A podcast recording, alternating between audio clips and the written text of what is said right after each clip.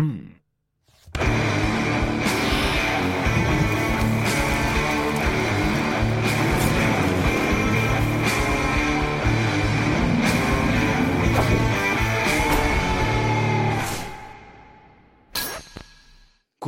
srećna ti nova godina. Srećna nova godina, sve najbolje i što se kaže Isus Hristos vama i vašim najmilijima. Dobrodošao u naš uh, topli dom. Uh, isključili smo grenje, nadam se da će ostati topao do kraja. Um, pre svega, uh, razmišljao sam kako da počnem naš razgovor i za za, za ekipu koja nas gleda, dakle, u, u, našoj komunikaciji obojica smo skapirali u jednom trenutku da je jedina stvar o kojoj ne želimo da pričamo je politika. ovaj, I ono što nas užasno zamara u svemu tome, s obzirom na to da je, smo okruženi njome 24 sata dnevno.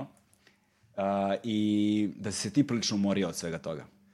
Jesam, čak eto, ovaj, moram da ti se izvinim što sam imao uh, jednu, jednu jedan tračak e, sumnje treba li uopšte da, da dođem, da. iako naravno se znamo, ja mislim već decenijama i, i ok mi je da dođem kod tebe kući da snimimo šta god, ali mi je toliko muka od, od svog glasa, od pričanja da. o, o nečem, pogotovo pričanja o politici i po, najpogotovo, pogotovije od očekivanja uh, od mene da, da imam ne, neki, neki mudar po mogućstvu i duhovit stav o aktuelnim političkim dešavanjima, ne samo na nivou Srbije, već i regionalno. Dakle, ne. pogotovo krajem godine, kada smo imali našu novogodišnju emisiju, prelazak sa jedne televizije na drugu, e, gostovanje u regionalnim emisijama, Bosna, Hrvatska, i svi očekuju da imam neki stav o politici u onom fazonu, ajde glumac, reći si nešto smešno. Da, da, da. Pa ne da mi nije smešno, nego mi je muka više i zato mi je prva ideja bila gostovanje, o ne, opet politika. Da, da, da. Onda si mi objasnio da neće biti politika, neće biti pa politika. neka i bude, ali, ali nek bude, ne bude u fokusu. Eto. Ne, ma kaki, ne, ne daj Bože.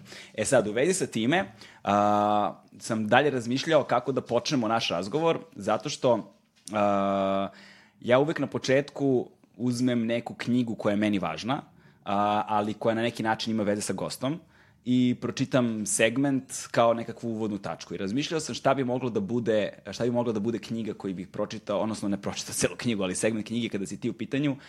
I onda sam razmišljao... ne, ne, ne, ne, ne. I onda, sam, I onda sam razmišljao upravo o ovome o čemu su pričali. Znaš, s jedne strane koliko si umoran od toga, ali s druge strane, um, kad god me, ti ja se poznamo 20 godina sigurno, znaš, i onda kada me, kada me ljudi pitaju ko je, ali poznaješ Kesića? Ja kažem poznajem ga i onda me pitaju kakav je Kesić. I tu uvek najđem na neki kao mali problem, ne? zato što a, kod tebe uvek postojala jedna a, nijansa nečega što čovjek ne može da skapira da li si zaista ti ili je neka uloga u kojoj se nalaziš u tom trenutku. Jest, jest. Znaš, i uvek postoji negde i ta ambivalentnost, ono, da li je ili nije, uvek nekako ostavlja taj čudan trag i onda se zapitam, Kako li ti je bilo da budeš istrejan u tom svom stavu pre nego što si bio opšte poznat? Jer svakako drugačije ljudi reaguju, sigurno si ne nalazio na ko zna šta. I onda sam u vezi sa time se setio jednog romana koji mi je a, mnogo značio u životu. Tamo, sredinom, krajem 90-ih, drugar dok sam trenirao atletiku Vule, kog pozdravljam ovom prilikom, a, mi je dao prvi SF roman koji sam ikada držao u rukama i koji sam pročitao, to je ovaj roman. U pitanju je Philip K. Dick, i roman koji nosi naziv Tecite suze moje reče policajac. Uh, glavni lik u ovom romanu je lik, lik po imenu Jason Taverner. On je poznata TV zvezda, jel te, uh, u svetu u kojem on živi. Ali jednog dana se u tom svetu, koji je na prvi pogled apsolutno identičan uh, njegovom, s jednom velikom razlikom budi. On više nije poznata zvezda, a, kompjuteri nemaju nikakve podatke o njemu, nikoga ne poznaje i našavši se na, lič, na naličju sveta koji ne poznaje, Jason je prinuđen da se bori za opstanak. I uvek sam se pitao kako izgleda ljudi ne znaju koliko je anonimnost vredna dok je ne izgube. Koliko li si puta u životu pomislio kako bi bilo lepo da me danas niko ne poznaje, da mogu radim ono šta hoću, da se odmorim jednom od svega. O, i, I obrnuto. Da. Kako je teško kada, kada si poznat i imaš sve beneficije i privilegije zbog te poznatosti i voljenosti, a onda u drugom trenutku više nisi poznat što se desilo i da, da kolegi da, da, da, da, da, da. Dakle, ovaj, a, a, drago mi je što si baš tu knjigu e. izdvojio, eno mi je kod kuće, čeka na policiji da je pročitam, a uzeo sam je baš zbog opisa E, televizijske ličnosti koja više nije to. Tako, u, e, u sličnom svetu. E, to. I, ovaj, sad ću pročitam samo odlomak. Dakle, on je, jel te, jedan od najpoznatijih, možda i najpoznatija televizijska ličnost, TV lice i glumac. A, ovaj, to je ono, komičar reci nešto smešno, Da. jel te? I a, odlazi kući nakon snimljene emisije i budi se u a, nepoznatom prostoru i to je ovaj segment, kaže Svetlost se filtriranjem uvlačila nazad, ispunjavajući njegove sklopljene oči membranom iluminiranog crvenila. Otvorio je oči, digao glavu da pogleda oko sebe, da pronađe Hederu ili doktora. Ležao je u sobi sam, nikog tu nije bilo. Toaletni stočić sa napuklim velikim ogledalom za šminkanje, ružne stare svetiljke koje strše iz zidova zaštićenih masnoćom, a odnekud sa male udaljenosti treštanje televizora. Nije se nalazio u bolnici. Niti je Heder bila uz njega. Osetio je njeno odsustvo, osetio je zbog nje totalnu prazninu svega. Bože, pomisli on. Šta se desilo? Bol u njegovim prsima je, kao i tolike druge stvari, nestao. Drhtavim pokretima on odgurnu prljavo vuneno ćebe, diže se u sedeći položaj refleksno se protrlja po čelu, prikupljujući svoju vitalnost. Ovo je hotelska soba, uvide on. Vašljivi, buvljivi, jeftini hotel za pijandure. Nema zavesa, nema kupatila. U takvima je on stanovao pre mnogo godina, na početku svoje karijere, u davno doba kada je bio nepoznat i bez para, u onim mračnim danima koje je uvek isključivao iz memorije najpotpunije što je mogao. Novac. Pipanjem je proverio svoju odeću, otkrio da više nije obučen u bolničku pidžamu, već da mu je vraćeno u izguženom stanju njegovo krojeno svileno delo. I, u unutrašnjem džepu sakoa, one sveže novčanica velike japonske vrednosti, one pare sa kojima je bio nameravao da ode u Las Vegas. Bar to je imao. Brzo je pogledom potražio telefon. Nema, naravno da toga nema. Ali naći će se telefon u holu. Ali koga zvati? Heder? Ala Blisa, njegovog agenta? Morija Mana, producenta njegovog TV showa? Njegovog advokata Bila Wolfera? Ili možda sve njih i to što je premoguće. Nesigurnim pokretima digao se na noge. Stajao je, ljuljajući se, psujući iz razloga koji su mu bili nerazumljivi. Držao se Držao ga je neki animalni instinkt, spremao je sebe, svoje jako šestičje telo za borbu. Ali protivnika nije mogao sagledati, a to ga je plašilo. Osetio je prvi put od kako je pamtio paniku. Da li je mnogo vremena prošlo, zapita se on. Nije to mogao da odredi. Nije imao osjećaj ni da je prošlo ni mnogo ni malo vremena. Dan je. Vrdalame se zaleću i bleje kroz nebesa s one strane prljavog stakla njegovog prozora. Bacio je pogled na svoj sat. 10.30 pisalo je na njemu. Pa šta? Mogao bi pokazivati vreme za 10.000 godina pogrešno. I kako bi on to znao? Njegov sat mu nije pomogao. Ali će telefon pomoći. On izađe u hodnik, pun prašine, nađe stepenište, siđe korak po korak, pridržavajući se za ogradu, sve dok se ne nađe u depresivnom praznom holu sa otrcanim starim, prejako napunjenim foteljama. Srećom imao je sitnine. Ubacio je zlatnik od jednog dolara u prorez i odabrao broj Ala Blisa. Talent agencija Bliss začu se uskoro Alov glas. Slušaj, reče Jason, ne znam gde sam.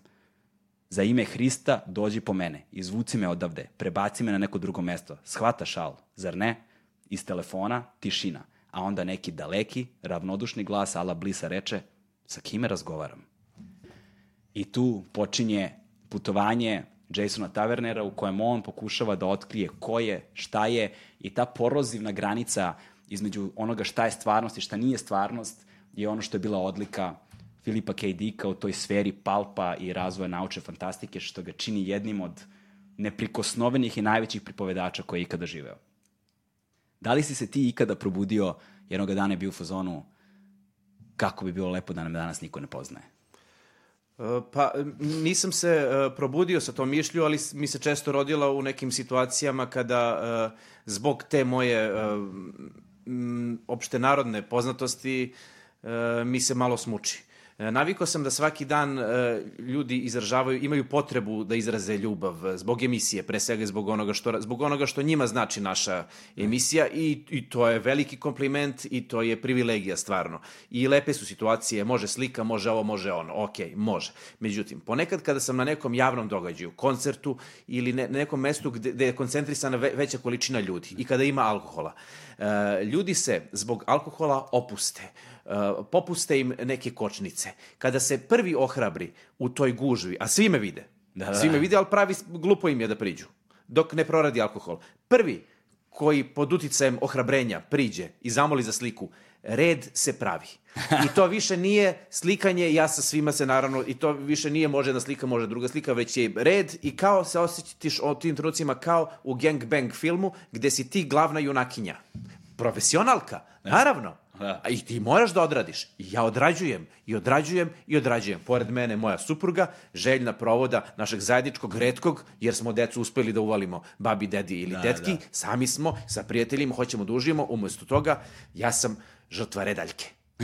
jer to više nije slika, jer popili su, videli su kako može ovaj što se ne bije. Nije njima više ni bitno da li sam to ja kao Kesić iz 24 minuta ili je to, e, ne znam, nija bilo koja poznata ličnost koja je zanimljiva jer je poznata. Na tom trenutku popio sam, eno ga poznat, aj se slikamo. Da, I da. tu mi se rađa ideja koju pominješ šta bih dao da sam anoniman i da samo mogu da uživam u ovom koncertu kao što sam uživao pre 25 godina kada nisam bio ovoliko opšte narodno popularan i tad sam bio, ali to su bile zrne, za, zameci poznatosti. Kada već pominješ taj period pre 25 godina, ja bih se i vratio na njega i počeo našu privu, priču, što bi Horacijus rekao, a bovo, jel te, iz početka. A, ti imaš jednu vrlo koherentnu a, i vrlo istrajnu, jasnu liniju koja povezuje celokupnu tvoju karijeru od samih početaka do danas. I to je jedna zaista stvar za divljenje, zato što i ti ja koliko smo dugo u ovoj profesiji, prosto smo videli milion i jednog čoveka koji menjaju i stav i ponašanje i ovo, kako je Gručo Marks rekao, ovo su moji principi, ukoliko vam se ne dopadaju, imam druge. šta Divno- god je, divno rečeno, Da, da. šta god je neophodno, šta god je neophodno ovaj, da se uradi, ne bili se postigao određeni uspeh. A, tvoj uspeh je došao a da nisi napravio kompromise tamo gde su ih mnogi pravili. I mislim da je to jedna od ključnih stvari koja te izdvoja, pored originalnosti i kreativnosti. Ali na početku to nije izgledalo tako. Ti si za mnoge ljude ono bio vidi ga onaj ludi Kesić. Znači, to je... Ja, se, ja, se te, ja tebe pamtim, uh, ja mislim sa studija B još, uh, i tamo ti si vazda išao sa kamerom nekom ono snimao i bio je taj legendarni snimak, ja mislim da to prva stvar da sam te video, snimao si Kaleta za vreme bombardovanja. Jeste, jeste. Ovaj, kako je izgledao taj period uh, kada si i gde počeo da radiš i kako je izgledao taj tvoj razvojni put u početku? Pa e, ta, to sa kaletom i kamera u ruci, nosno snimanje, nije prvi period e, mog bavljenja televizijom, to je došlo tek e, kasnije. Ja sam počeo da radim kao klasični novi reporter kod Đoke Vještice, legende tadašnjeg da. studija B, pre svega radija, a potom i televizije. E, 94. godine, tad sam imao 18 godina, samo što sam završio 11. gimnaziju i konkurisao sam e, na DIF-u, za prijemni e, e, na DIF-u. Srećom nisam primljen na DIF, a primljen sam na audiciji za Studio B, što je, eto, i odredila možda sticaj okolnosti. A čekaj, kojim sportom si se bavio? Pa bavio sam se futbalom i košarkom, trenirao sam i futbal i košarku i bio sam i dobar i u trčanju i generalno sam sportski tip bio i bio sam dobar u trčanju na difu, imao sam drugo najbolje vreme od, ne znam, hiljadu i po prijavljenih. Da, da, da. Ali sam zato loše uradio ritmiku, ni bilo mi ispod časti da se bavim baletom. u svakom slučaju, počeo sam na studiju B, reporter, ono, pijaca, zeleni venac, svaki dan ankete sa ljudima, penzioneri, komunalni, kako i treba da se počne.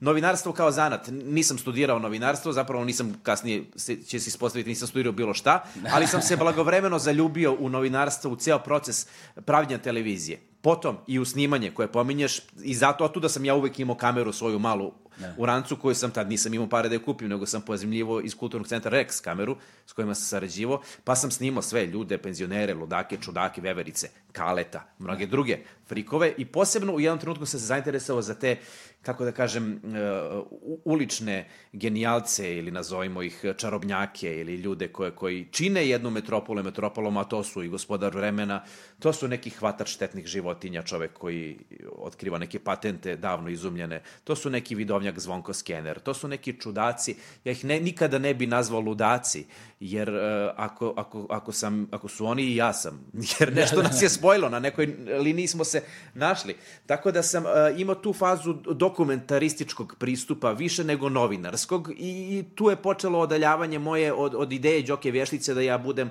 klasičan reporter i bio sam, ja. ali mi je u jednom trenutku e, mnogo bliže bilo da ja sam kreiram priču kao autor, kao reditelj nego da izveštavam o nečemu što je neko uradio i već tada sam ja počeo da se udaljavam od klasičnog novinarstva i približavam nekom autorskom radu da sam kreiram e, priče. Tako da početak je Studio B 94. i srećan sam i ponosan na te klasične početke. Učenja od iskusnih novinara, e, ba, boravljenja na pijaci, Da, da, da. Pa, pa, pa šta ćeš, pa pijačni barometar. Pa ajde kod seljaka, seljaci me znali tamo na zelenom vencu. Evo ga naš Zoki sa studija B. To su prva, prva zrna popularnosti na ne. zelenjaku moje. Ja se proslavio na zelenjaku.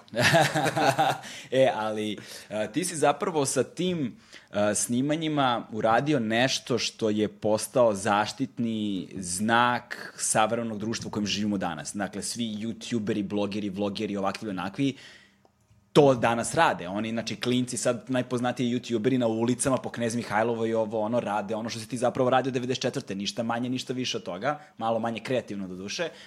A, ali je stvar u tome da si ti takođe tada započeo jedan izraz televizijski koji posle 2000. godine sa pojem društvenih mreža postaje standard, to je Gonzo.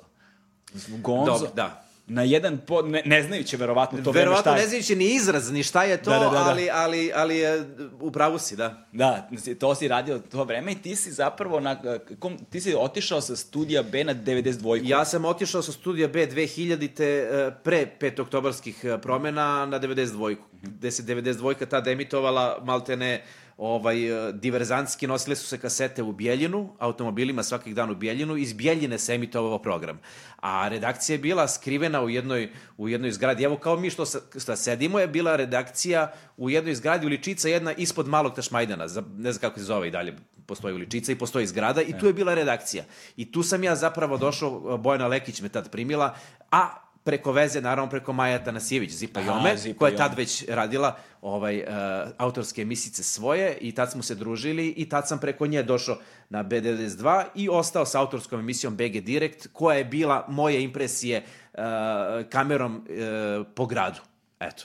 Ali kad si pomenuo baš petooktobarsku uh, revoluciju, um, meni je sada vrlo zanimljiv jedan snimak koji si podelio relativno skoro, ne znam, više vremenske odrenice su mi sla, slabija, slabije, slabi sam sa njima, ali uh, ti si zapravo nosio kameru stalno sa sobom i isto tako 5. oktobra si ti sa kamerom Normalno. bio. Ti si zapravo sa kamerom ušao u Skupštinu. Normalno. Na tom snimku sam video i pokojnog Sulju Jeste. Ove, što baš mi onako, ta, ta, tom trenutku kad sam ga video, tu nekakav nostalgični talas me onako o, prelio, da. znaš, i SKC radija i grada i svega Jeste. i Sulja imao prvi tetovažu na licu. Jeste, imao kukasti krst. da, to, ovaj, ko, ko, ko, ovaj, čas, ko čas mese, tako, da.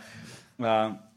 Kakvi su tvoji uh, uh, utisci bili? Da, da li ti imaš tu arhivu neku koju imam. čuvaš i dalje, ono, koliko je ona velika? Da li planiraš nekada nešto s njome da pa, uradiš? Imam arhivu baš obimnu i Studija B i 92-ke i, i nekih stvari od kojih uh, ništa nije nastalo za televizijsko emitovanje tih mojih snimaka, jer ti kad imaš kameru i kada imaš obsesiju, a to jeste bila u to vreme obsesija uh, da, da snimam, dokumentujem razne stvari koje su meni lično zanimljive, onda je neminovno da imaš arhivu, a moja arhiva, jer sam po, po prirodi stvari, e, kako da kažem, neozbiljan, e, se nalazi na VHS kasetama i u najboljem slučaju na divi kaseticama, koji, da. koje su i, i dan danas. I te divi kasetice su već praistorija, a kamoli VHS. Ja to moram, galebe, da digitalizujem pod hitno. Da. Video sam neke oglase, ima, prebacuju sa svega na svega. Sa VHS-a i mini DV-a na, na USB ti prebaci, ili da. kako god, daš, daš mu neki hard disk, on ti prebaci sve. Ja bi to voleo od juture. Jedino što ja imam na nekim tim kasetama, imam i malo erotike.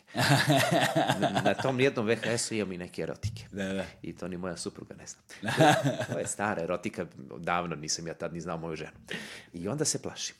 Ako se taj što prebacuje vidi tu erotiku, a ja sam sad poznata ličnost, da, da. a ne grune to u javnost, ne da napravi problem i meni i toj devojci kako je tad bila. Znaš. Mogu, mogu da te posavetujem, znaš ko može da nam prebaci to? Ali diskretno. Znaš ko može, da, ali diskretno. Ali imaš i Ze, Zeka. A Zeka? Zeka sam Pa njega se najviše plaša. Pošto on radi Da ne to. osvane na video kodu, ako još uvijek postoji njegov video kod. Postoji video kod, postoji, postoji. video kod. Na, mislim, YouTube kanal, sad ne znam šta on sa njime radi, ali potreba za Zeku, Zeku, ako slušaš, da. javi se da prebacimo neke stare... U svakom stare... slučaju, to, da, to, arhiva postoji, a ovaj 5. oktobar, taj koji sam snimao, je e, emitovan na B92, tada bukvalno premijeru imao uveče 5. oktobra i emitovo se tokom cijelog oktobra, znači tim post-revolucionarnim e, danima i ja sam ga na godišnicu 5. oktobra, čini mi se pre tri godine okačio na YouTube, prosto eto da to, to, to bude i tako, ja sam ponosan na taj dokumentarac, to je samo bio jedan u nizu mojih e, gonzo priloga gde sam ja u središtu nekog događanja. Šta imaš na snimcima tim ovaj, koje javnost nikad nije videla? Sam siguran da tu ima impresivnih stvari koje bi trebalo da ugledaju svetlost dana. Imam raznih uh, uh, svojih nebuloza, pogotovo u, u, u periodu kada, kada sam između uh, završetka rada na studija, Studio B, jer, jer mi smo bukvalno izbačeni, fizički smo bili izbačeni sa Studio B kada je uh, vlast uh, Slobodana Miloševića zauzela televiziju Studio B i do, dovelu televiziju ekipu sa Beogradske hronike da oni budu Studio B, razumeš, odjednom u tvo prostorijama tvoje televizije su neke kolege sa RTS-a došle da. i sad ovo, to, to smo mi. Mi smo sad otišli i onda ja, kako da kažem, osjećajući ne, ne, blizinu revolucionarnih promena, a nemajući mogućnost da, da dođem na televiziju, Ja sam sam snimao i kući sam montirao sa dva VHS-a, sam montirao neke svoje filmiće, impre, impresije koje, koje su povezane i, uh, kako da kažem, i doživljaj grada i, i naroda i društvenih okolnosti sa mojim ličnim preispitivanjima, ljubavnim problemima i tako. Tako da, da tu da. ima gomila filmića koji su mešavina uh, predrevolucionarnog vremena i, i mog ne, moje nesrećne ljubavi. Da, što je da, da, sa, ove, sa ove perspektive smešno gledati, ali jednog dana će mi biti zanimljivo to da pogledam, jer svedoči i o meni tada i o vremenu u kome sam ja tada. Dakle, da. totalni uh, gonzo i posle sam ja otkrio za tu reč gonzo i, i za ljude koji su se bavili time i, i za stripove koji su inspirisani o, ovaj, gonzo novinarima kao što je Transmetropolitan da. i, i, za, i za Huntera Thompsona. I za Huntera, ta, tako je. Tako da ovaj, je to nešto što, što je meni bila suština tada novinarstva. Zapravo spoj novinarstva, književnosti, E, Stripa. filma, dakle, život koji ti, u trenutku kada ja vidim kroz moju kameru policajce koji pucaju na, na protestante 5. oktobra, braneći RTS, od čega ga braneći, Dakle, i snimim u kadru su mi ljudi koji beže, logično, čovek kad neko puca na tebe, čovek beži. Znači, oni beže ka meni, a ja naprotiv zoomiram na ove koji pucaju, bez namene da bežim, jer kako bežanje, brate, imam kadar veka. Tako da to je trenutak kada se spoji život u kome si ti, kamera koja beleži taj život i ti kao akter, tvoja ruka i tvoje oko beleže taj istorijski događaj, a svestan si da se dešava u trenutku snimanja. E, to je po meni, to je moj doživljaj Gonza i, i čoveka, novinara, doživljavača i onog koji prenosi to što je video. Ali je vrlo zanimljivo, um, to, si, to, to je baš jedna lepa stvar koju si primetio i koja je vrlo zanimljiva kada sam razgovarao sa ljudima koji su inače ratni reporteri, fotografi i tako dalje, snimatelji. Znam ih razno razne koji su bili na različitim ratištima, koji su radili i za AP i za ove zone. I oni su mi pominjali na ovaj ili onaj način da postoji jedan čudan trenutak kada čovjek posmatra kroz objektiv na neki način si prisutan i odsutan. Znači, kada bi ti posmatrao tu scenu sa spuštenom kamerom da. pored sebe, to više ne bi bilo to. Tako znači, je. nekakav strah ili ko zna, ali u trenutku kad ti posmatraš kroz kameru, ta stvarnost postaje na neki bizaran način pasivna. Ne razmišljaš o tome da ćeš ti sada da stradaš ili nećeš da stradaš. I to nije, i to nije hrabrost. Da. To nije hrabrost. To, to nije hrabrost, već je to e, možda pre svega ambicija. To je da. pre svega ambicija da taj kadar koji ti držiš bude što bolji, da ti uh, čak i ne razmišljaš po svaku cenu. Ne, ti, ti ne razmišljaš o ceni. Ti da. samo razmišljaš, jebote, šta ja snimam, pogledaj šta se ovo dešava, kako blago ja imam. Da. Dakle, to je pohlepa pohlepa za pričom, pohlepa za trenutkom i, i to osjećaju mnogi novinari, ti ratni izveštači, hvala Bogu, nikad nisam ni poželao da budem ratni izveštač i da gledam te strahote, čak ni kroz kameru, ali e, mogu da, da, da razumem o čemu govore kada govore o tim trenucima u kojima ti kroz kameru vidiš nešto i ne osjećaš strah, nego samo želju da zabeležiš što vernije to što vidiš. Da. E, a, i a, na studiju, na, sa studija B si otišao na 92-ku, ali tvoja karijera na 92-ci nije potrela nešto pretrano dugo. Pa tri godine. Tri godine. Tri godine te autorske emisije BG Direct, koje su više bile m, te neke moje autorske impresije grada, lišene uh, lišene, uh, neopterećene aktuelnostima, dakle, da. veverice na Kalemegdanu i ljudi koji ih hrane, dakle, eto, dokumentarci. To je ono što se donekle trudim ja da radim, uh, da budem u svom sadržaju koji proizvodim neopterećen aktuelnostima, zato što mislim da smo ono, da nas davi, da to, da to davljenje aktuelnostima nije prestalo 20 i više godina, Slažem sigurno. se, slažem se. Ja sam, ne znam, u jeku, ne znam kog haosa, pre godinu i po dve, otišao na sever Albanije da tražim Virđine, ono, da snimam njihove neke priče, životne biografije i tako dalje, o tim nekim životnim uslovima koji, mislim, život postoji i van, ono, akutnih aktuelnosti. Tako da, a, ali zbog čega ti odlaziš sa studija B? Ovaj, sa B92. Sa B92 odlazim u trenutku kada B92 uh, kreće u, uh, verovatno neminovnu, ali unapred izgubljenu trku sa Pinkom oko gledanosti. E, meni je tako i predočeno e, od strane tada urednika kulture na, na e, 92-ci. Jedan je Miško, drugi je Kosta bio e, da naravno svi misle da sam super i emisije su ono genijalne i sve to, ali prosto nema više prostora za tako nešto jer kreće komercijalizacija, uskoro kreće veliki brat, uskoro ne, ne kažem da sam otišao zbog velikog brata, ne. Da, da. Nego prosto razumem trenutak u kome više nije bilo prostora za, za moje emisije e, i srećom mi daju uh, lepu otpremninu, tri godine sam radio, oni su rekli kao da sam četiri godine radio, pa puta o, i od tih, te otpremnine sam ja kupio prvu svoju kameru. E. Tako da ja sa svojom kamerom odlazim na televiziju Metropolis, malu lokalnu televiziju i krećem e, priču ne iz početka, nego nastavljam nešto što mi u tom trenutku deluje zanimljivo. Dakle, na, sa 92. odlazim pomalo razočaran zbog okolnosti svog odlaska, ali ne i pobeđen, već spreman da nastavim svoj put dalje. I u tom trenutku zapravo ti i ja postajemo kolege, jer sam ja tada da. radio na, na, na televiziji Metropolis. I a, ja se sećam tvog dolaska. Tu a, počinje put, zapravo tvoj put onoga što si danas je počeo naravno mnogo pre toga. Ali prvi obris i formata koji danas radiš je zapravo rođen na televiziji Metropolis. Jeste, jeste. Pre, bog te, ko je to, 2002. treća? To je 2000, uh, 2003. sam ja došao sa 92. na Metropolis, znači od 2003. četvrta, peta. Tako. Da, to je to. 2003. godina, znači to je sada punih ovaj, 16 godina pa sigurno kako je zapravo razvojni put onoga što danas znamo kao 24 minuta počeo. I a, ti si u početku, ali ono što je meni takođe impresivno, jeste što neki od ljudi sa kojima danas, dan danas radiš, 24 minuta, su zapravo ljudi koje si upoznao tada na Metropolisu. E, na koje misliš? Sale Saničani, na primjer. Sale Saničanina sam znao još pre Metropolisa, jer mi se znamo iz srednje škole. Zapravo, Aha. on išao u petu, ja u jedanestu, ali najbolji drugar moj iz srednje škole izrazio da je njegov iz osnovne škole. Aha. Tako da smo se mi znali još tokom e, gimnazije, smo se mi družili. Ali ste zapravo tu saradnju započeli na Metropolisu pa, u suštini. Pa da, ali čak nismo na Metropolisu ništa ni sarađivali, on i ja uh, prosto druge stvari radio. Mi smo baš drugari, drugari da, da, da, da. iz, iz, iz praktično kod da smo išli u isti razred. Tako da, ovaj, ali, ali, ali je 24 minuta prvi put da sarađujemo na nečemu ovaj, na nekoj emisiji. Ako izuzmemo saradnju u okviru mojih priredbi Fire on 3D, gde on svira u, u grupi Kesa i Bombone, gitaru, pošto on voli da svira gitaru. Da, ali na Metropolisu sam ovaj, upoznao ovaj, super zanimljive ljude, mlade ljude i to je tad bila neverovatna, ti sećaš, nevjerovatna skupina e, talenata mladih i muških i ženskih i lepih ljudi. Ja bih rekao, mesto. vrlo, vrlo bitna stvar ako pričamo o televiziji. Na radiju ne moraš da budeš lep ili zanimljiv ili harizmatičan. Na televiziji jebi ga, moraš. Ne. To je bila vrlo skupina lepih, mladih ljudi. Ja se tu osjećao divno. Divno sam se osjećao jer e, najviše što mi je u tom trenutku trebalo jeste da nakon traume odlaska s 92. dođem u jedan kolektiv pun mladih, ambicioznih i lepih ljudi i lepih devojaka.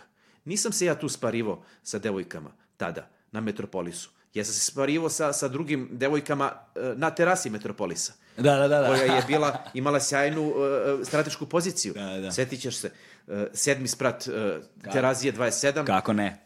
Sa opojnim mirisima iz friteze McDonald'sa Ovaj, ali se to zanemari Da. I sa brojnim opojnim mirisima poput Jovanjice. poput Jovanjice, ta, tako je, e, gitara, svi, hvala Bogu, na Metropolisu su svirali, e, svi su voleli, voleli da cirkaju, svi smo bili mladi i iz, iz tog druženja, iz te jedne kreativne atmosfere su se zarodile sjajne stvari tada. E, Ljudi, ne, ljudi, ljudi danas, mnogi, posebno mlađi, ni ne pamte televiziju Metropoli s jedne strane, ali a ljudi koji pamte e, možda ne znaju koliko je veliki rasadnik a, ljudi koji su danas važni da li u mainstreamu, da li u komercijalnoj industriji, da li kao kulturni stvaraoci na neki način ili u undergroundu alternativi, svi su bili negde Metropolis, pored radija SKC, je bilo neko stecište na koje je rodilo te neke medijske ličnosti. Kada govorimo o komercijalnim projektima, Ana Mihajlovski je rođena na televiziji Metropolis, pa ne znam, tu je bila i ona Baja koja sad neku jogu radi. Joga, da. joga, ali ona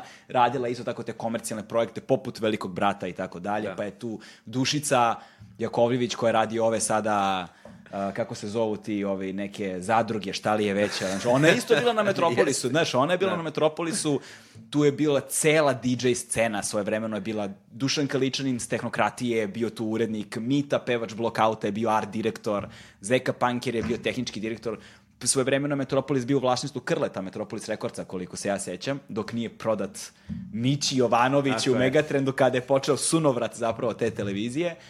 Ovaj, tu sam ja počeo, ti si bio tamo, brojni, zaista uspešni ljudi na ovaj ili onaj način su, su svoje mesto pronašli zapravo na Metropolisu svoje vremeno i e, mnogi formati, Kale se proslavio na Metropolisu, između ostalog, Travolta iz Borče Grede se Tako proslavio na Metropolisu. gosti naši, da. Tako je, tu su gomila ovih danas, od DJ Kobaza, Paje Skatera, gomila ovih njih, taj neki prvi, nazovimo ga, a, format ono srpskog Jackass-a koji se zvao Ne znam di teram je Da. tu počeo, bio Sale Saničanin je tu radio koji je tebi režila Da. 24 minuta, dakle to je bilo zaista jedno stecište onako ozbiljno koje je nekoliko godina bilo potpuno, potpuni diletantizam. Mi smo bili praktično smo anarhiju tu živeli. Šilja, vlasnik splava 2044, je radio na Metropolisu. Pa nema ko nije. Bukvalno nema ko nije radio tu. Bukvalno nema ko tu nije radio. On je radio u režiji, ja mislim, u Pa realizaciji. čak i Vuk Tatalović je radio. Jeste, i Vuk Tatalović. da. Sačuvaj me Bože. Ko sve to nije radio? Da. Ali ne samo ljudi koji su radili, nego su i ti ljudi koji su radili, koji su eto, iz neke, u, najboljem smislu reči urbane. Da. E, priče su privlačili e, jednako zanimljive umetnike, bilo i sfere filma, muzike, Da. tu su defilovali bendovi, e, DJ-evi. Zaista je bilo u to vreme i, i publika je bila i tekako posvećena Metropolisu, pogotovo sećaš se u živim programima kada su se oni i uključivali, slali Kako SMS ne? poruke. O tome ćemo tek da Dobro, pričamo. da. O tome ćemo te, o tome Da, ćemo, da, o tome da. ćemo, o tome ćemo tek da, Da. pričamo. Rambo Amadeus je radio spotove na Metropolisu, odnosno montirao. A moj Da. skutere je Balša montirao na Metropolisu. Sedeli smo, upadali mu u smenu, rekao, aj Balša, kad će završiš, moramo mi da montiramo naše stvari. A po ideji to je Saletova ideja. To Sale sale, Saničanin, sale da, sa Sale ličenjem, Balša, e, pa da, e. I, um, I naravno, ja sam radio tada jutarnji program, radio sam gomilu nekakvih ono, svojih formata koji su bili što gonzo, što ovo, što ono.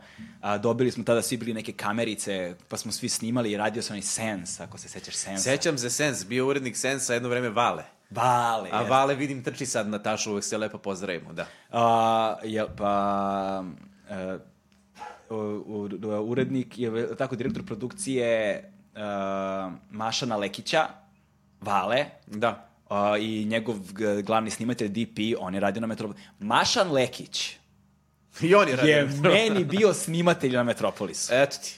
Mašan Lekić je meni bio snimatelj na Metropolisu tada. Ko bi Ne znam, rekao? ne znam sad koliko gledalci zanimaju ove priče, jer kao našli se nema- kao penzioneri Da, i da. kao, e, sećaš se, kao, sećaš ali, ali, bilo, ali bio je jedan, ali bio je taj jedan vrlo zanimljiv trenutak. Ti si uh, radio te razno razne formate i u jednom trenutku si počeo da radiš, ja mislim da je to bio tvoj prvi taj live program koji se zvao Prekid program. Prekid programa, da. Ajde sada nam reci malo više o konceptu prekida programa, jer, ja, jer mislim zaista da je on beskreno važan da bismo razumeli 24 minute danas. Prekid programa je e, nešto što se nadovezuje na moju davnašnju ideju i potrebu da, da rušim postojeće e, televizijske konvencije i očekivanja gled, televizijskog gledalca od onoga kako će izgledati emisija i da se poigravam sa, sa raznim formama, očekivanim televizijskim formama. Dakle, prekid programa je u osnovi jedan live talk show u koji se uključuju gledaoci i u koji ja kao voditelj dovodim e, neke mene, meni zanimljive goste, nezavisno toga da li su aktualni trenutno ili nisu. Dakle, goste e, sa kojima pre svega mislim da mogu da ostvarim neko ludilo. Ajde da kažem ludilo. Dakle, moja namera je bila da gledalac koji gleda prekid programa, iako nije uh, pijan ili naduvan, da se samim gledanjem uh, omami i dovede u stanje da se zapita, čekaj, brate, šta ja ovo gledam? A pritom je uživo. Dakle, da ja uživo manipulišem uh, stanjem konzumenta. E, da. to mi je bila namera. I to ste apsolutno postizali. Um, ja se, ja se sjećam kada je to krenulo, zapravo špica za prekid programa je da. delovala kao prekidanje programa. Pa spot. Da. Bio je spot ko, koji je uobičajen na muzičkoj televiziji se stalno vrte spotovi, kreće normalno spot u, u, u čitavom nizu spotova, međutim sa tim spotom se dešava nešto, počinje da se kvari slika i ode u šuštanje. I to šuštanje, boga mi, fino traje. Da. Pa potraje šuštanje. Jer da je to malo šuštanje, pa opet nešto, to je kao fora, nije, nije, znaš, jebeš, hoćeš da ti ne uđe, kako se Ta, kaže. Tada smo, tada smo koristili one sobne antene, pa je da. često nestajala slika, znaš, da. pa onda ljudi ustanu pa proveravaju da li je slika okej, okay, a u stvari... Jer je to šu, iz šuštanja se pojavljuje taj prekid programa koji je zapravo naša emisija i sama zamiseo je prekid uobičajenog, očekivanog programa. Da. Ćete videti u tih sat i po koliko traje. Kasnije sam ja mnogo, kao što ti se dešava u životu da otkriješ nešto što si ti razmišljao ili neke svoje ideje u knjizi, u filmu, u muzici, pa kad kažeš jebote, pa ja sam ovo isto ovako mislio.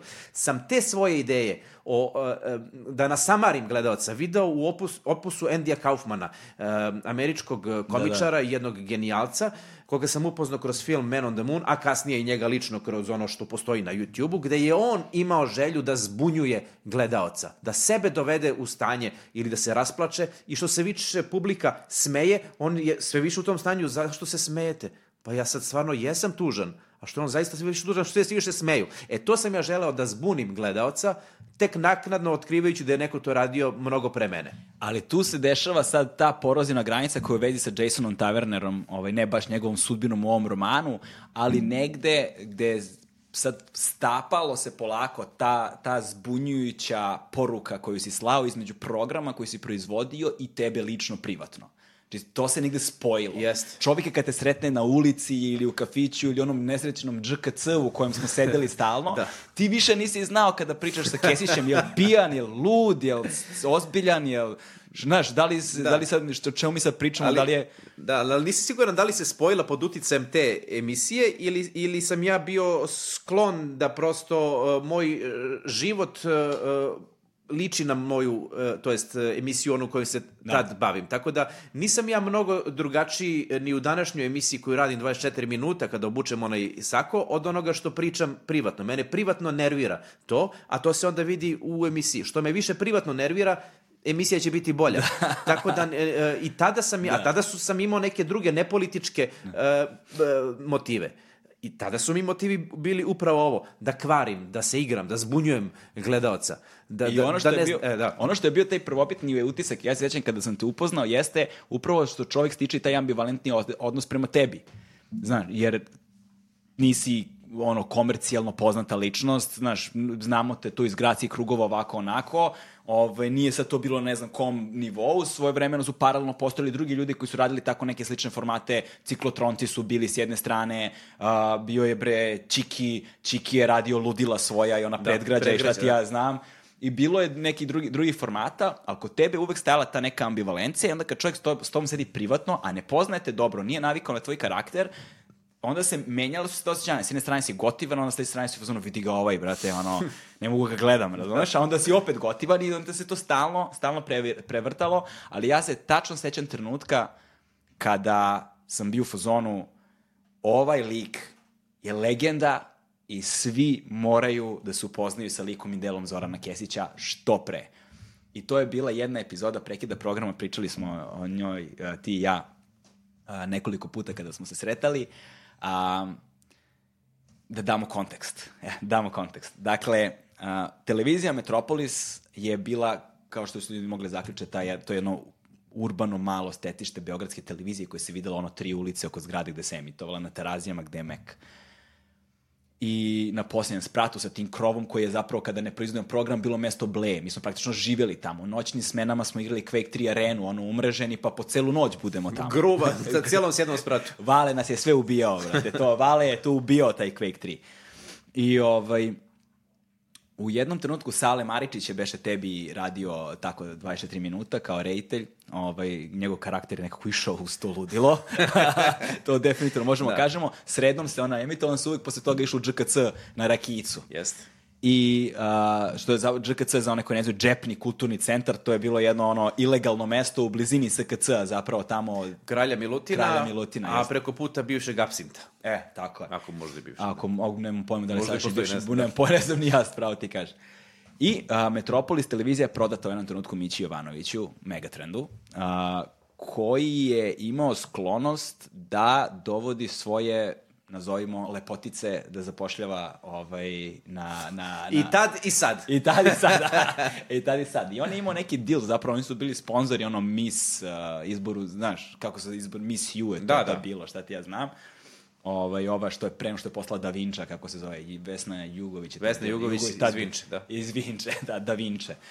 Um, I mi smo uvek imali problem sa tim devojkama koje su dolazile zato što one zapravo nisu znale ništa da rade u vezi sa televizijskim poslom. Ne kažem da su one da nisu sposobne daleko od toga, nego prosto nisu osobe s televizije.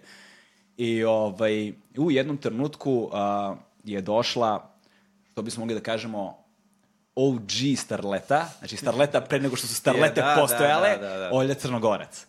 Odjednom Olja Crnogorac dolazi da radi na televiziji Metropolis, mi nemamo pojma šta s njom sad tu da radimo i kako tu da se nosimo. Ovaj, ja sam tad bio nekoj kao pseudo uredničkoj poziciji, pošto se tu izmenjali svi mogući urednici koji su prošli i otpali. Bio je Dragan Kojedinović i njegova žen, žena Danka. o, odlično zvuči. Dragan Kojedinović i njegova ženka Danka. Danka koja... Jer da je Dana, bila bi njegova žena da, Dana. Da, a pošto je Danka, njegova ženka Danka. Ove, Koju takođe pozdravljamo. Pozdravljamo ih oboje. O, ovako, zdušno. Dragan Kojedinović je posle bio ministar kulture, jel te? Odmah, da, da. odmah nakon toga kratko on bio tu.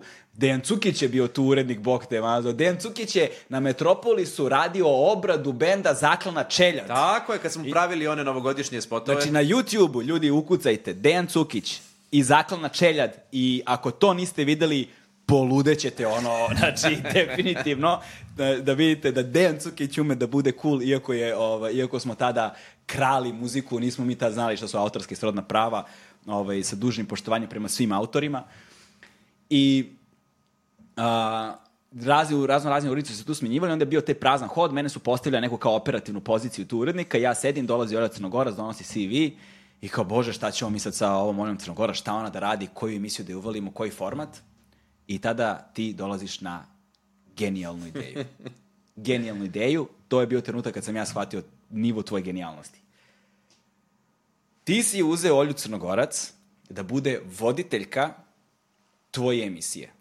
Sad ja ne znam da li ona znala da je to tvoja emisija ili nije. E, znala je, znala je, to je bilo dogovoreno. Dakle, moj tadašnji, ispriči ti, ispriči moj tadašnji prekid programa gde sam ja bio neprikosnoveni, naravno, voditelj, sam odlučio, prepoznavši uh, potencijal um, ludila u dovođenju Olje Crnogoraca u našu emisiju, da, da podelimo, da zajedno budemo voditelji. Znajući da će gledalci naše emisije skapirati ovaj, zašto se to radi, uh, ne znajući kako će ona to da reaguje, a i baš me briga, ali sam samo vidio da bi to bilo jako zabavno.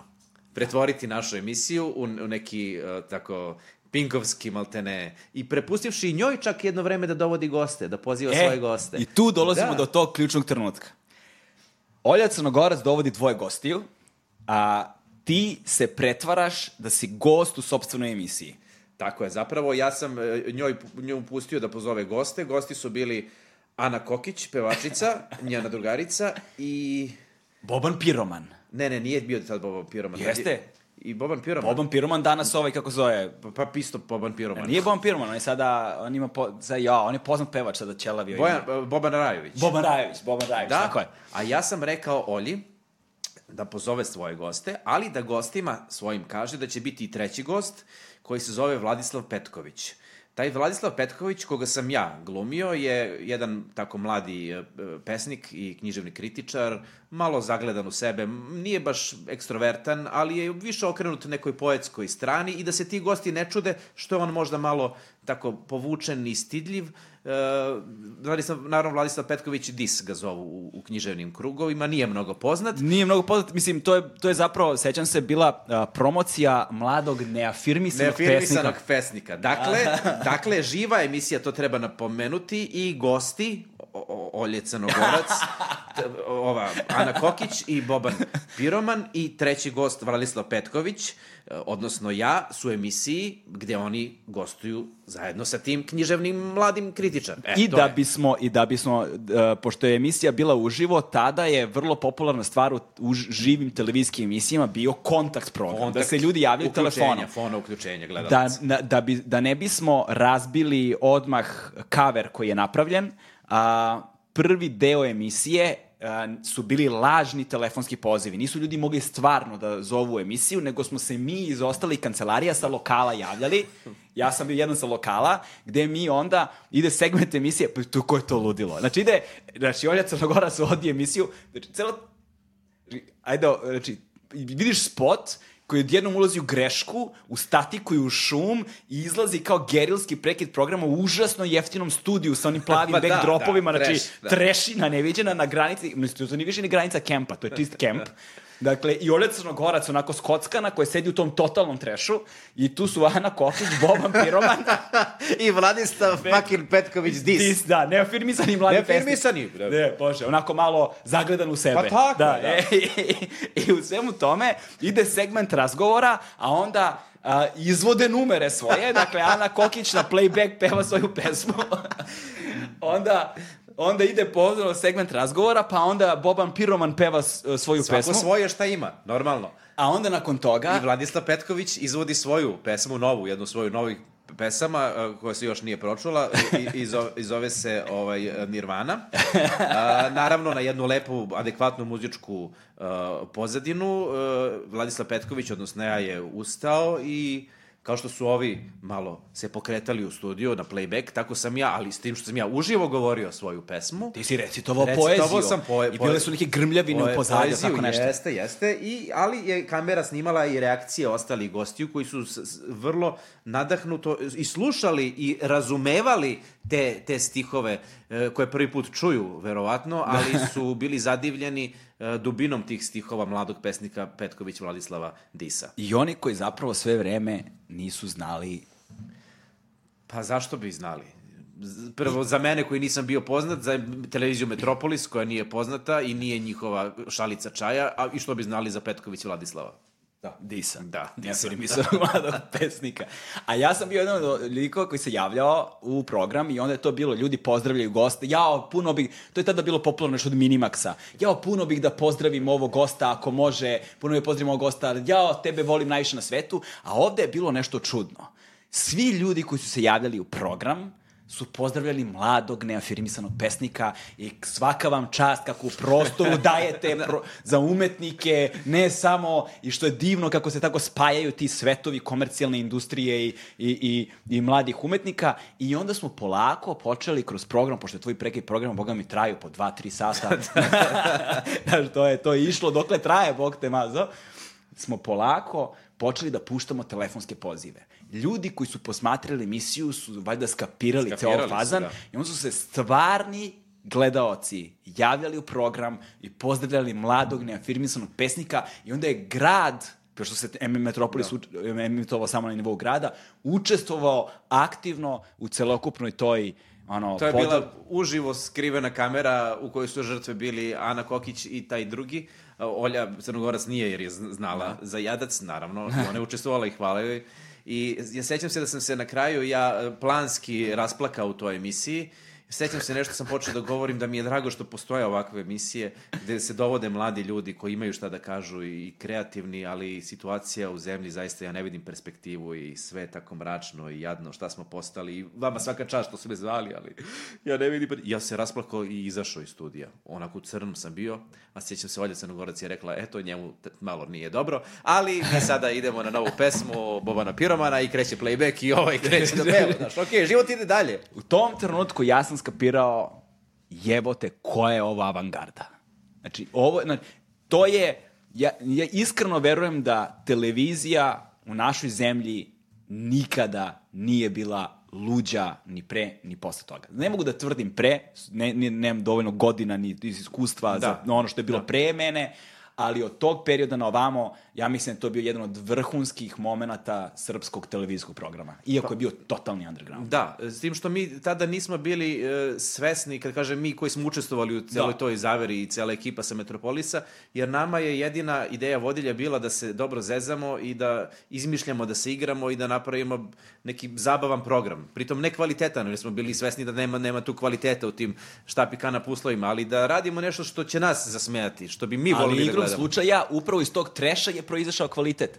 Na, najpopularnija stvar koja je proslavila Kaleta, gospodara vremena, je njegovo repovanje freestyle iz mog jutarnjeg programa koji na YouTube-u ima milione pregleda. Kad sam ja s nekog rejva došao iz Barutane u, da vodim jutarnji program i nosio sam neka bela sočiva, raspadam se za dva i pokupio Kaleta negde usput sam ga sre... Mislim, a, s druge strane, taj trash je zaista rodio i te ljude i taj kvalitet, jedan autentičan sadržaj koji zapravo danas mislim da nije moguće da se ponovi.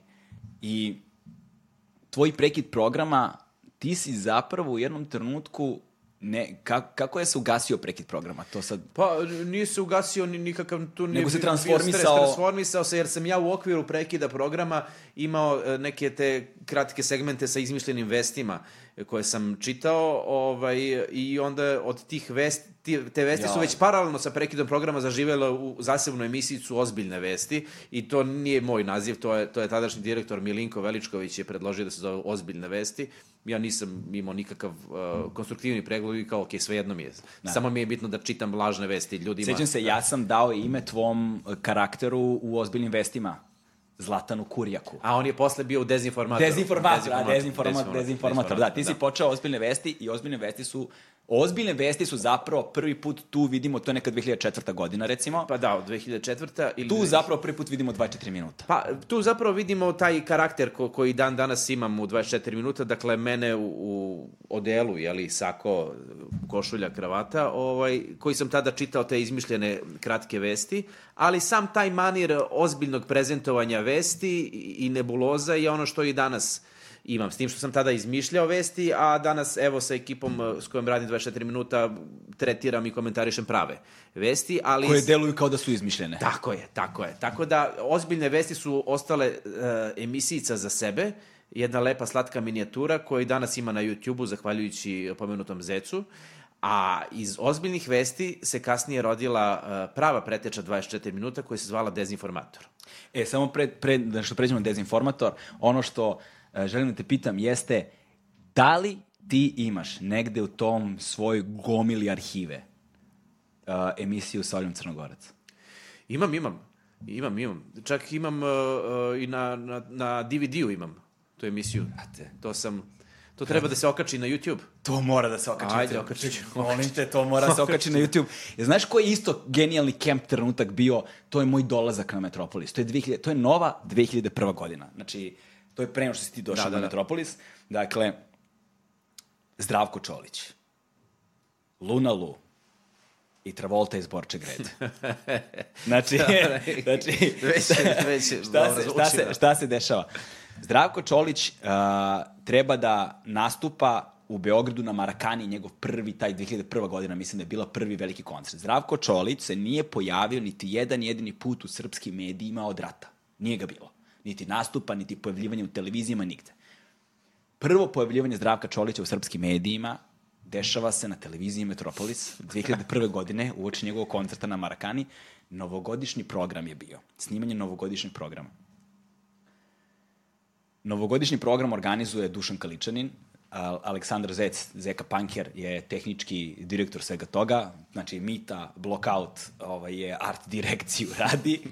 On je grozni trash studio, plavi backdrop. U njemu Luna Lu, bundi, sedi, pas neki, neki, neki pas, Pas ulični, ulični pas, sto sa svinskom glavom i jabukom to i gost je Zdravko Čolić kojem sve vreme ulazi u studio Travolta iz, Travolta iz Borče Grede sa Deda Mraz kapicom i nosi viskije koje mu služi i izvodi mu hej Travolta, hej, hej, hej, hej Travolta, druže moj, sa celim onim njegovim plesnom koreografijom. Najnadrealniji kadar koji možeš da vidiš, znači to je nekoliko minuta, traje 5-6 minuta, ta scena, taj segment, jedina stvar koja je pobedila to je bio tvoj trenutak sa Oljom Crnogorac ovaj, u, u prekidu programa i ja mislim da su to dve najsvetlije tačke srpske televizije. Bilo je, bilo je tu raznih bizarnosti, pa seti se da je jedno vreme na Metropolis došao Marko Janković da bude urednik nečega. Pa znači, Jao, Metropolis da. je bila televizija koja je Da. privlačila bizarnosti raznih vrsta. Da, I samo da. postojanje Kojadinovića, bračnog para Kojadinović na Metropolisu je neobjašnjivo. Zašto su oni tu došli? Znaš, pa Marko Janković dođe. Znaš, Pa Dejan Cukić. Uz sve ovo... On je bio te super. Uz te kombinacije Zdravko Čorić i, i Travolta, gospodar vremena, pa onda cool Negraba Amadeus, to je bilo nešto neverovatno. N- nisam siguran da, da je to raj, više pakao. Televizija pakla.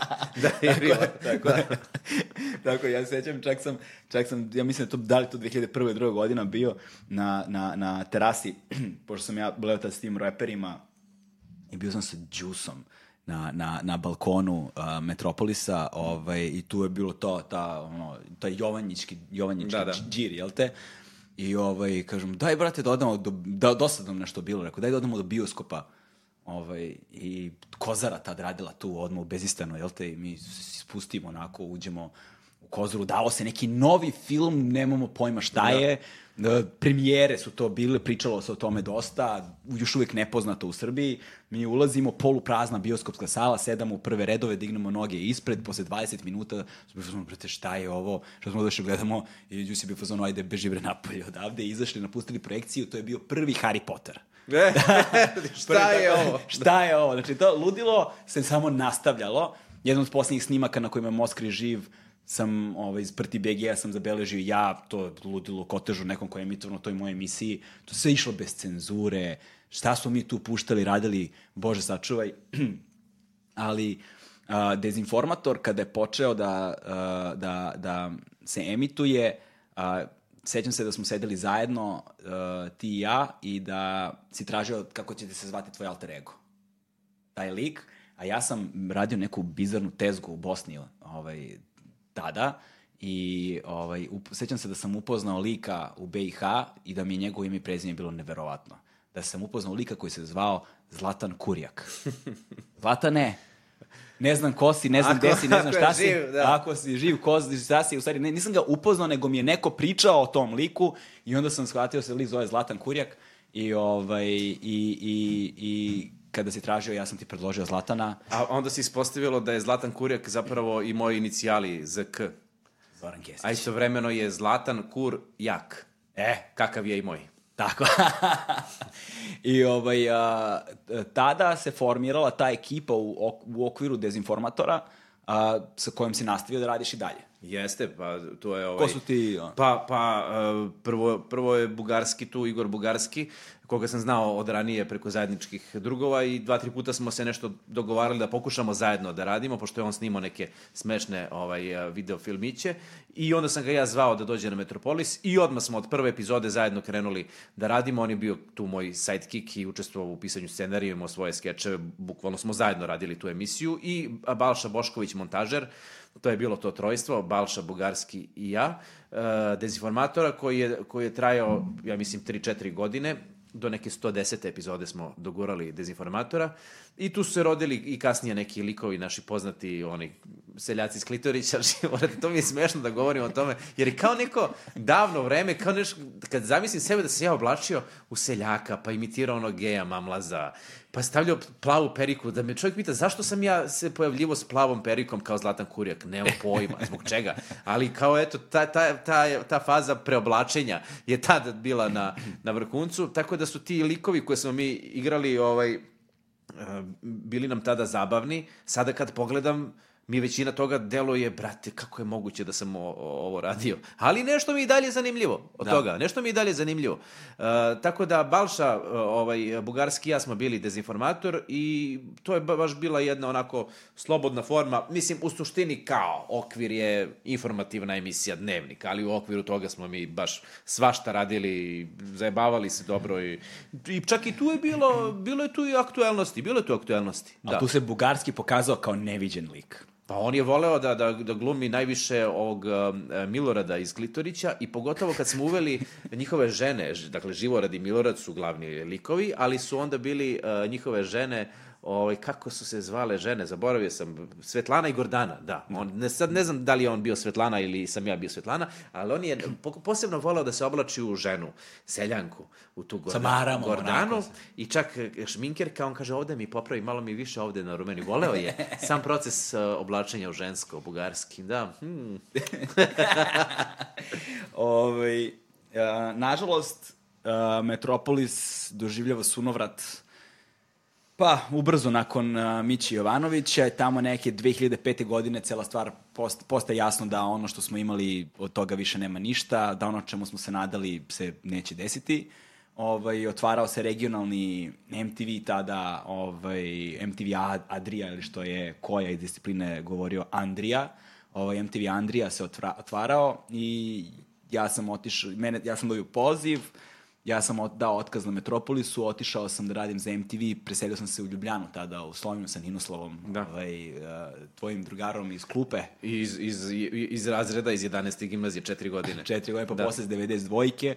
Ovaj, otišli smo zajedno u Sloveniju da radimo, a ti si otišao sa uh, Metropolisa i uh, tada se otvarala Fox televizija. Fox, da, Fox, TV Pri, Fox. priča nam malo sad o toj tranziciji, TV Fox. šta se tamo dešavalo. Dobro zvuči Fox, ono kao čuvena Fox televizija, pa, samo mogućnost da pređemo na Fox. E, tad je Sale, Sale Staničanin je već tada radio na Fox televiziji i uh, onda mi je predložio on da probamo da napravimo neki koncept koji bi mogli da prebacimo na Fox. I mi smo onda snimili u klubu Oh Cinema, koji je bio isto u vlasništvu profesora rektu, rektora Miće Jovanovića, gde smo slavili nove godine. profesora, profesora. rek- rek- da. rektora, snimili smo, snimili rektuma. smo četiri epizode tadašnjeg preteče Fajrant Republike koja se zvala Klub zatvorenog tipa, gde je taj moj koncept da, da sedim za kafanskim stolom okružen publikom i dovodim goste, e, se kasnije ovaj sproveo i u Fajrant Republici.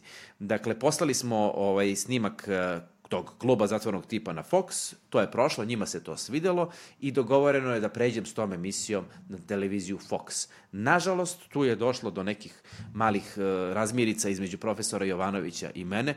Meni, ja nisam bio pod ugovorom, bi prostor slobodan igrač, čista situacija, dogovorio sam se pređe na Fox, on je mene zvao telefonom i rekao je Kesiću, imam devet najboljih advokata, tužit ću vas. Ja kažem, profesore, dajte mi bar jednog. Ja nemam ni jednog, imate devet. Naravno, nikakve Nije fair. tužbe. Nije bilo, sve se završilo time što ne, nismo mogli da koristimo naziv klub zatvorenog tipa, što je i okej, pa smo smislili naziv Fajront Republika.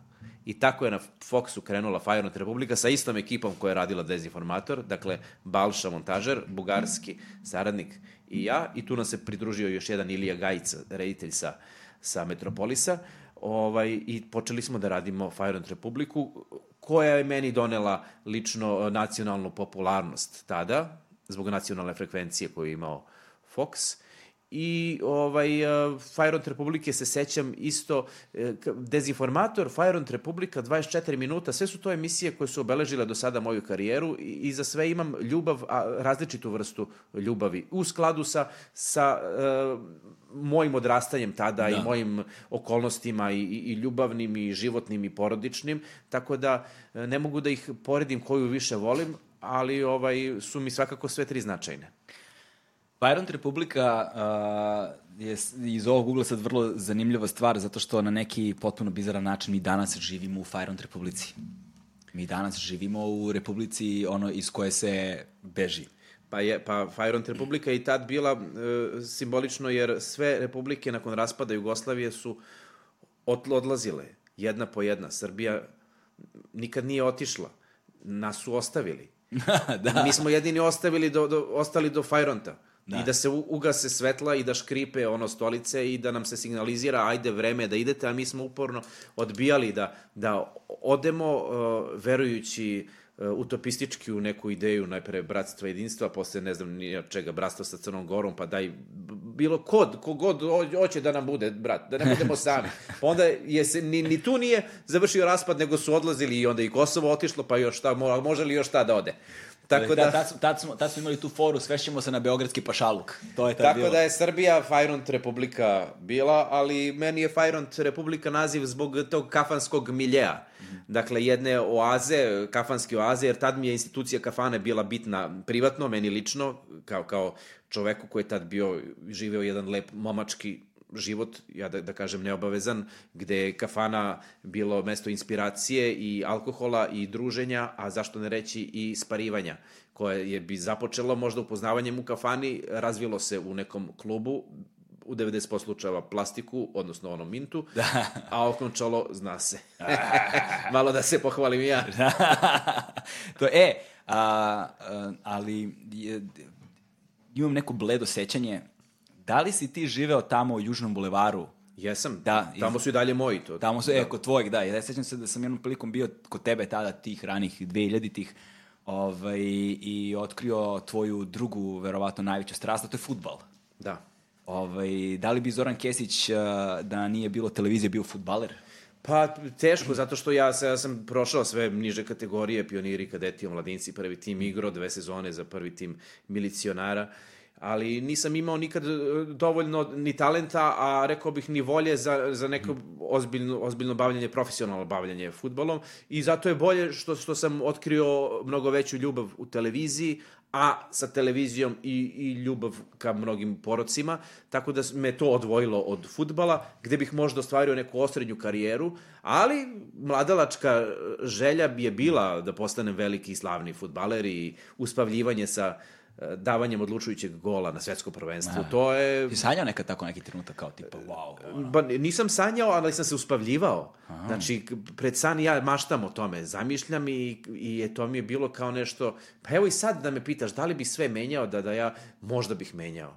Mislim da, da imam ženu i decu sadašnju, a da sad nisam ovaj, e, televizijski autor, nego da sam futbalski jas. Ali opet i to je zajebano, jer ja više 43 godine ne bih bio futbalski jas. Da, da. Šta posle? Fudbalski Tako veteran. da sve kad se e, svede, možda ipak ne bih menjao karijeru, jer ja sam sad aktivan i sad sam u, u Zenitu i još mogu svašta da dam. A ja da sam veliki futbaler, ja odavno bi bio penzioner, brate. Da. Tako da mene loži što još mogu da radim i, i hoću da radim.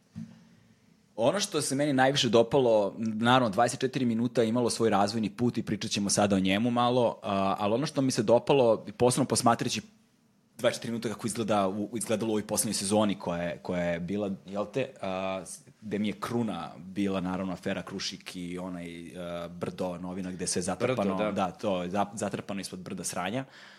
A, što je jako lepa vizualna referenca na spinove u kojima živimo danas, jeste činjenica da kad god sam gledao sve te tvoje formate, mislim, oni su imali svoj nivo genijalnosti, ali su oni imali jedan svoj, ono, s dužnim poštovanjem nivo, ono, uh, uh, da je umelo da ubije u, u, u dosadu, da je padalo, jer, Naravno, ti, jer ti da. si se kretao tim ogromnim oscilacijama, Tako je, da. jer si prosto jako puno stvari radio sam.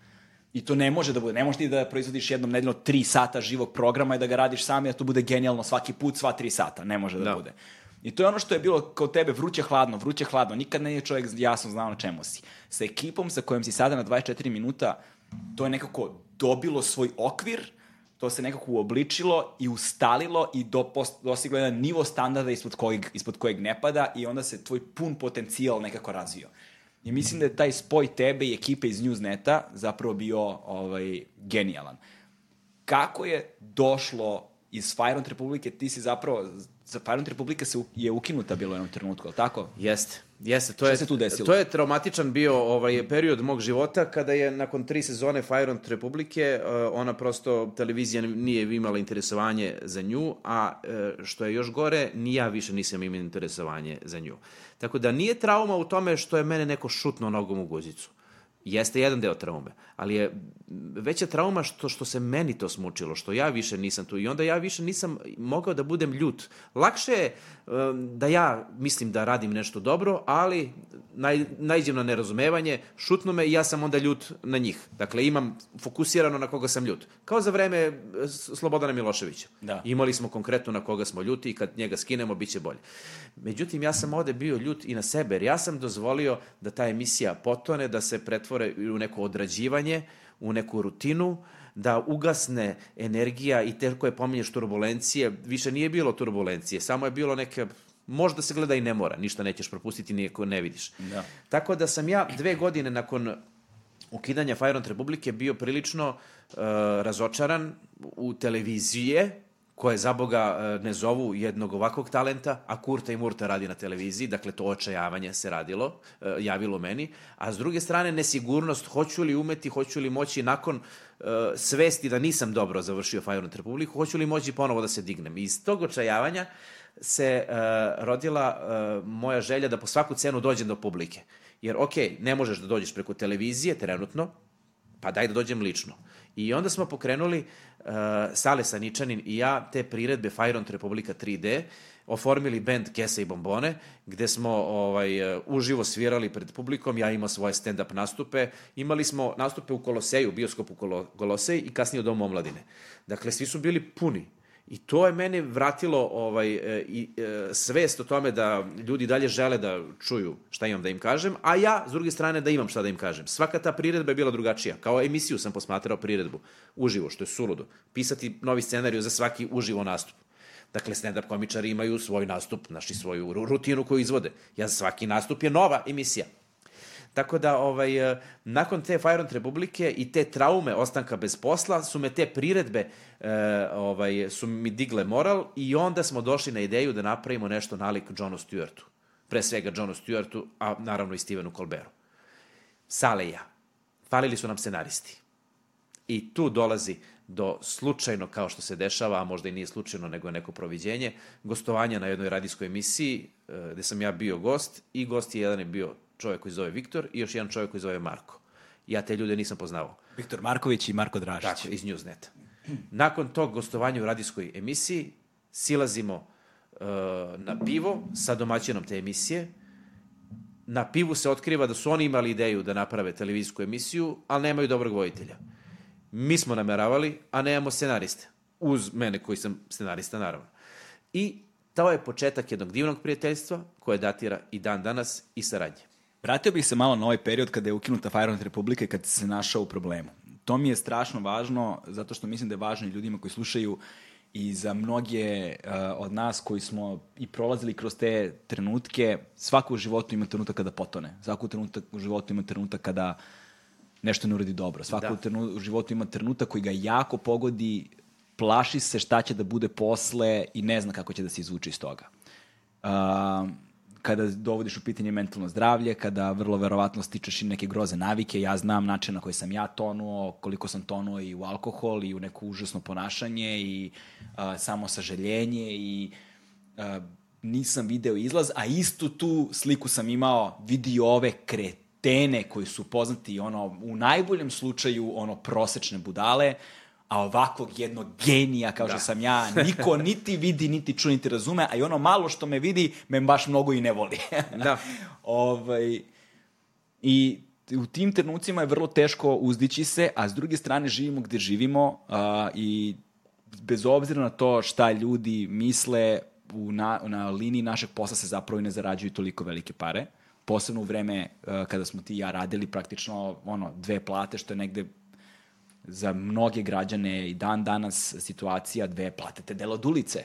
Znaš, ono, ne dobiješ dva puta platu i ode sve dođe vola, znaš. Nemaš ti baš neki ono ušteđeni saldo na bankovnom računu i šta ti ja znam.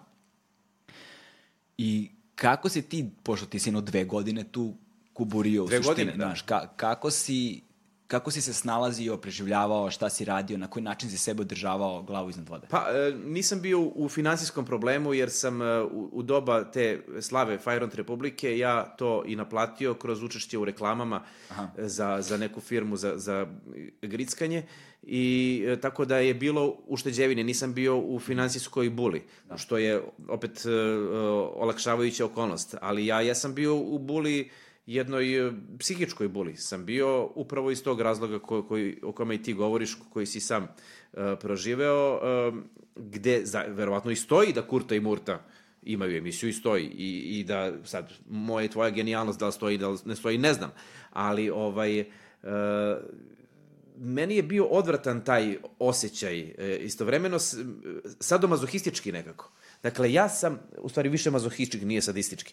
Dakle, da, da, da, da, da ja sebe utapam u, u, u, tu, u tu mešavinu blata, govana, samosažaljenja, e, krivljenja drugih za svoj neuspeh, e, a s druge strane, ne, ne, plašim se da priznam svoj strah, da li sam dovoljno dobar, da li je sve što sam do sad uradio bilo zapravo e, sranje, da li sam ja samo neka, neka ljuštura, ima li nešto u meni i dalje što, i stalno se tako preispituješ, preispituješ i sebe daviš u tome i, i jedino što može da te, da te promeni, ovo nije nikakav motivacijni govor. Ne, ovo je dakle pričam svoju priču. Jedino što zaista u mom slučaju je moglo da me preokrene je povratak samopouzdanja kroz spoznaju da mi se i dalje smeju. To jest da, da i dalje ima ko, koga mogu da nasmejem. Kroz te priredbe, te uživo programe. Da nije bilo toga, ja ne znam šta bi bilo sa mnom, e, pare od reklame bi iscurele, šta bi ja radio a da ne radim ovo. Nemam pojma. Ne, ne znam šta bih, e, šta bih radio. Ali eto, hvala Bogu, uh, uspeo sam sam sebi da potvrdim da i dalje ljudi uh, žele da me čuju, da mogu da, da ih nasmejem, da, da pridobijem njihovu pažnju i to mi je bila odskočna daska za ovo što danas radim. Da nije bilo toga, ne znam šta bih radio. Možda bih se udavio u tom saž, samosažaljenju. Ne bi bio ni prvi ni poslednji. Mnogi su, mnogi su, mm. nažalost. A, Paš, postaju da... oni ogorčeni ljudi. Mm. Ogorčeni ljudi. I onda taj alkohol, ja nisam se odavao nešto alkohol, nis, nema šta da se odajem, uvek sam ga koristio. Nema šta da se više ili manje odajem nego što sam već odavao. da. Tako da danas se o, odajem se kad imam vremena i volim da se odajem. Ovaj, ali, ali sam se odavao samo sa žaljenju. E da. to je. I hvala Bogu što nisam postao taj ogorčeni, sada sredovečni, a kasnije starac koji, koji jebe majku svima, koji kad vidio ništa mu ne valja, znaš, eto, to, to je bila jedna linija kojom sam mogao poći, srećom nisam, mislim, još uvek nije kasno da postanem grozni starac. Da, da, da. da. Uvek, uvek se može postati grozni starac. A, a u tim živim nastupima, odnosno nastupima uživo, da li si uh, imao trenutke kada se ljudi nisu smejali?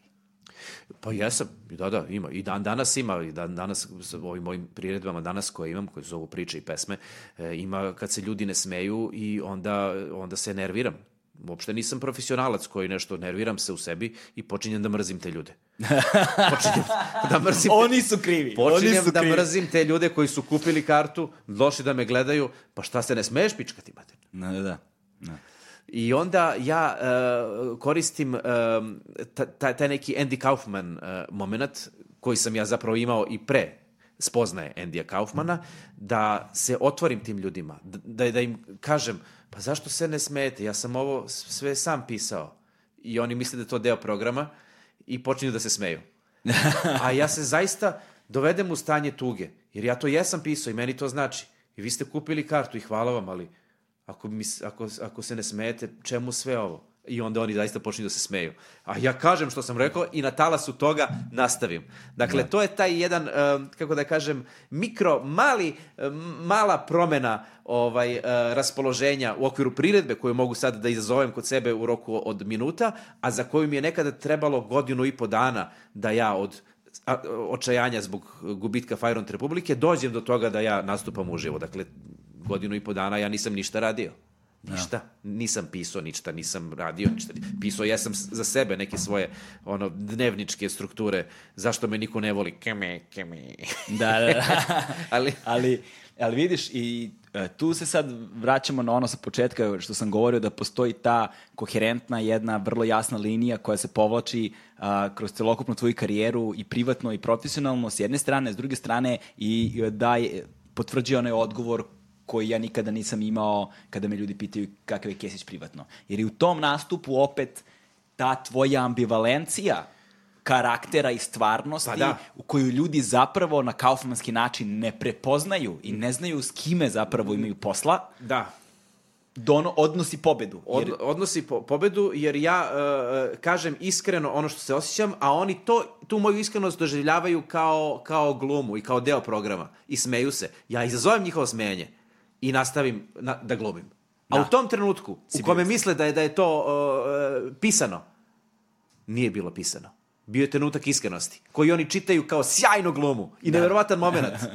Tako da, e, ja sam dosta rano, ovaj, možda podsvesno ovaj, e, shvatio da taj moment da zbunjuješ ljude može biti koristan, da pridobiješ njihovu pažnju, pa i zbunjenost, kad ne znaš na čemu si, ti sa posebnom pažnjom gledaš to jer hoćeš da skapiraš šta je ovo. Z- Zanima me. Tako da na taj način sam i mnoge devojke ranije šarmirao, pa, zbunjivao, zbunim, pa... e, danas to e, koristim, e, eto, na tim e, priredbama, ali e, nikad zlonamerno, čini mi se, nikad zlonamerno. da je zlonamerno ne bi to trajalo. Da. Znaš, da je to zlonamerno... Verovatno ne bi mo- bilo ni uspešno da je zlonamerno. Između ostalog. To Pa, samo e, sad- izbije iz mene, neka vrsta igre. U svetu u kojem da. živimo ne mogu da garantujem da zlonamerno ne može da bude uspešno. E, da, da, Znaš. to, to si u pravu. A i to može biti jako e, moćno oružje. Kada ti možeš da manipulišeš ljudima e, dovodeći sebe u, u stanje tuge, zabrinutosti, ozbiljnosti, e, neke friendly, kako da kažem, neposrednosti, e, znajući da to radiš planski, da bi izazvao reakciju onog koji sutra za tebe treba da glasa ili da ti da bilo koju korist koju očekuješ. To su grozne stvari, to su ozbiljne stvari i, i zaista to treba, treba se e, kloniti i prepoznati ljude koji to rade. To je ono zapravo što, gde ja vidim tvoju najveću vrednost. Upravo u toj vrsti autentičnosti i specifičnosti, te ambivalencije, tih nekakvih binarnih opozicija, nazovi kako god hoćeš, koje se konstantno sadrže u tebi, kao te dve strane koje su konstantno, pri, kon, konstantno prisutne i to je nešto što ne možeš da oponašaš, ne možeš da... Znaš, na, kada bi video nekoga ko pokušava da bude Zoran Kesić, to bi izgledalo užasno. Znači, zna, prosto, mislim, u najmanju ruku bi izgledalo užasno, nije moguće imitirati.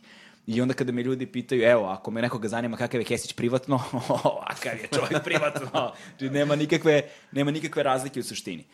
A, i počinjete saradnju na dezinformat, de- pardon, dezinformatu na 24 minuta, I kako su izgledali ti prvi koraci? Koliko je ta saradnja bila prirodna? Da li ste, kako ste uspevali uh, da razvijete 24 minuta u ono što je danas? I zašto 24 minuta? Pa, em, bilo je čudno i za mene i za njih, jer ja nisam navikao da e, pišem e, zajedno sa bilo kim.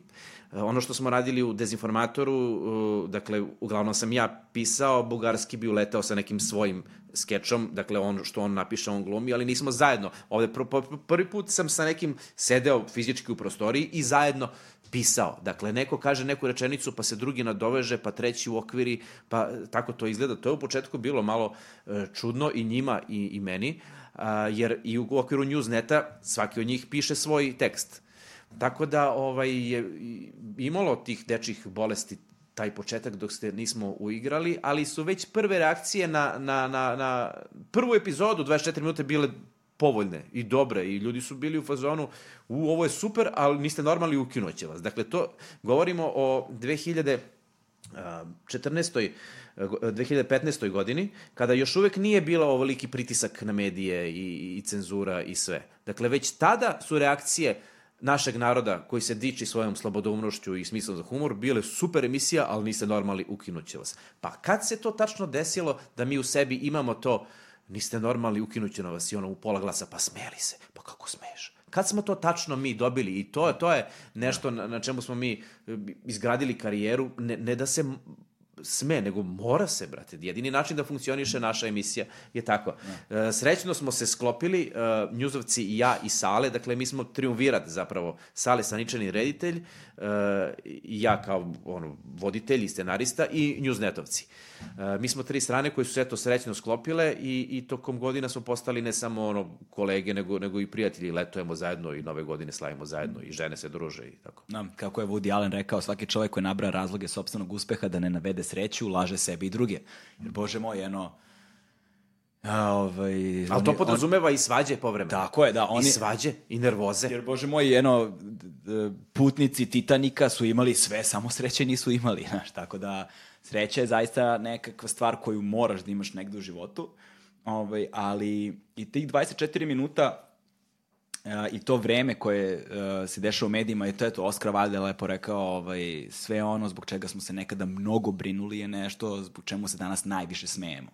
S time da kod nas ta stvar postoji nekako paralelno. Znači i brinemo i smejemo se u isto vreme i mislim da je to i opet ta ambivalencija se ponovo javlja i da je ono dobro žarište jel te, za komediju i da je komedija odličan način da razmislimo o nekakvim a, veoma ozbiljnim temama koje nas svakodnevno a, ovaj, opsedaju. Ali ostaje otvoreno pitanje na koji način ti formati uspevaju, da, formati, ja ne znam, ne znam koliko ih ima, sem tvog, uspevaju da funkcionišu u medijskom prostoru u kojem funkcionišu danas. I tebe su zbog toga i optuživali i za revizionizam koje kakav i za ono privoljivanje ovamo i onamo i kao da i za cenzuru i za svašta, znam da je bilo nešto i sa Lanetom Gutovićem za novogodišnji program, pa, tako bilo. Pa jeste, pa ljudi, od kad postoji emisija, uglavnom su pozitivne re reakcije i ne samo pozitivne, nego da smo postali kao nek, neki ono, uh, ventil ljudima, pogotovo ljudima koji ne žive u Srbiji, koji žive u dijaspori, pa se preko naše emisije informišu. Da. To im dođe kao doza, kao narkomanu, kao ako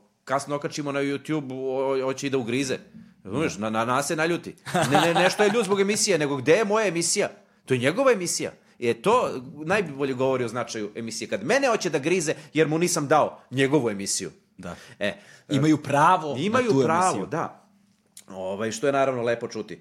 Uh, s- paralelno sa, sa oduševljavanjem i ljubavlju uh, pokušavaju neki da nas svrstaju na neku policu. Ja baš kažem policu, ne koristim fioku, jer kad staviš nekog u fioku, ti obično je fioka zatvorena. Ali oni hoće da smo mi na polici i na toj polici je lakše da nas pljunu. Da. Jer k- zatvoren, pa kako pljunuti koji je fioku? Znači, na tu policu i na toj polici, recimo, e, ne znajući zašto da nas optuže, mi smo onda srbomrsci, autošovinisti, ne znam, drugosrbijanci, soroševci, sve to što ima to ne, ne negativno, kriv. na crkvu, ne, ne znam, i ne volimo ni Boga, ništa, ne volimo srpsko, samo srpsko, ja sam alergičan. Ja dobijem ospice kad je nešto srpsko. Pri, pritom ja srbin, moje dete, moja žena, sve, sve mi srpsko, ja srbin, beograđanin srbin. Pa kako? I, i onda tako. E, to je i onda na talasu toga stalno traže nešto da nas zagovnaju. Pa onda, kad me pitaju je li ima cenzure u našoj emisiji, ja kažem nema, brate, naša emisija ne bi postala oko popularna da ima cenzure, u ostalom videli biste, osjetili biste. I onda do, dolazi prošla nova godina, gde mi imamo novogodišnju emisiju sa 25 minuta preko dogovorenog. Znači, dogovor, dogovor je bio, emisija traje sat vremena, ne može traje duže. Da. Ima pre emisije, ima posle emisije. Mi snijemo sat i 25 minuta. I ajde sad iz emisije izbaci 25 minuta. 31. decembra. Znači, mi imamo grupu našu na Facebooku gde šaljemo montažeru. Izbaci od ovog sekunda do ovog sekunda, naše storica. Znači, to je salata jedna koja ti nemaš vremena i dešava se da se iz, iz segmenta Laneta Gutovića izbaci jedan deo koji je najbolji koji je rekao za tog nekog crva. Pecamo crva pa da ga iz, Da, da, da, izvadimo, da. misleći da. Izbaci, ja gledam sa ženom na ovogodišnju emisiju, nismo nigde išli i vidim nema tog jedinog dobrog dela koji je rekao, jer se ništa nije dobro pripremio Lane Gutović za tu emisiju, Da, bio da. katastrofalan. Jebi ga. Znaš, Dešava se najbolje, Dešava se, moj. dešava se. I ja odmah zovem Saleta kao, pa gde ovaj crv? Jao, brate, izladno izleteo crv. Izleteo crv. Ja rekao, odmah crva, taj deo samo crva kači odmah na, na YouTube da de- delimo da vide ljudi crva. I nakon toga se dešava da smo mi pristali na cenzuru. Da je kao taj segment o crvu izbačen, a da smo ga mi kao onda kao najveće kurve stavili u fazonu evo kao ispalo je i onda ide ono, a slučajno ispalo. Iako smo mi tokom šest godina mnogo gore stvari govorili od tog lanetovog metaforičnog crva. Ne, ostaje ti taj crv. Pogotovo jer su se neke javne ličnosti uh, uključile da na tu hajku No, oni su na Kesića, na emisiju, pristaju na cenzuru. I onda ostaje, do dan danas ostaje da smo mi isekli Laneta Gotovića. Vrlo simptomatično, crva.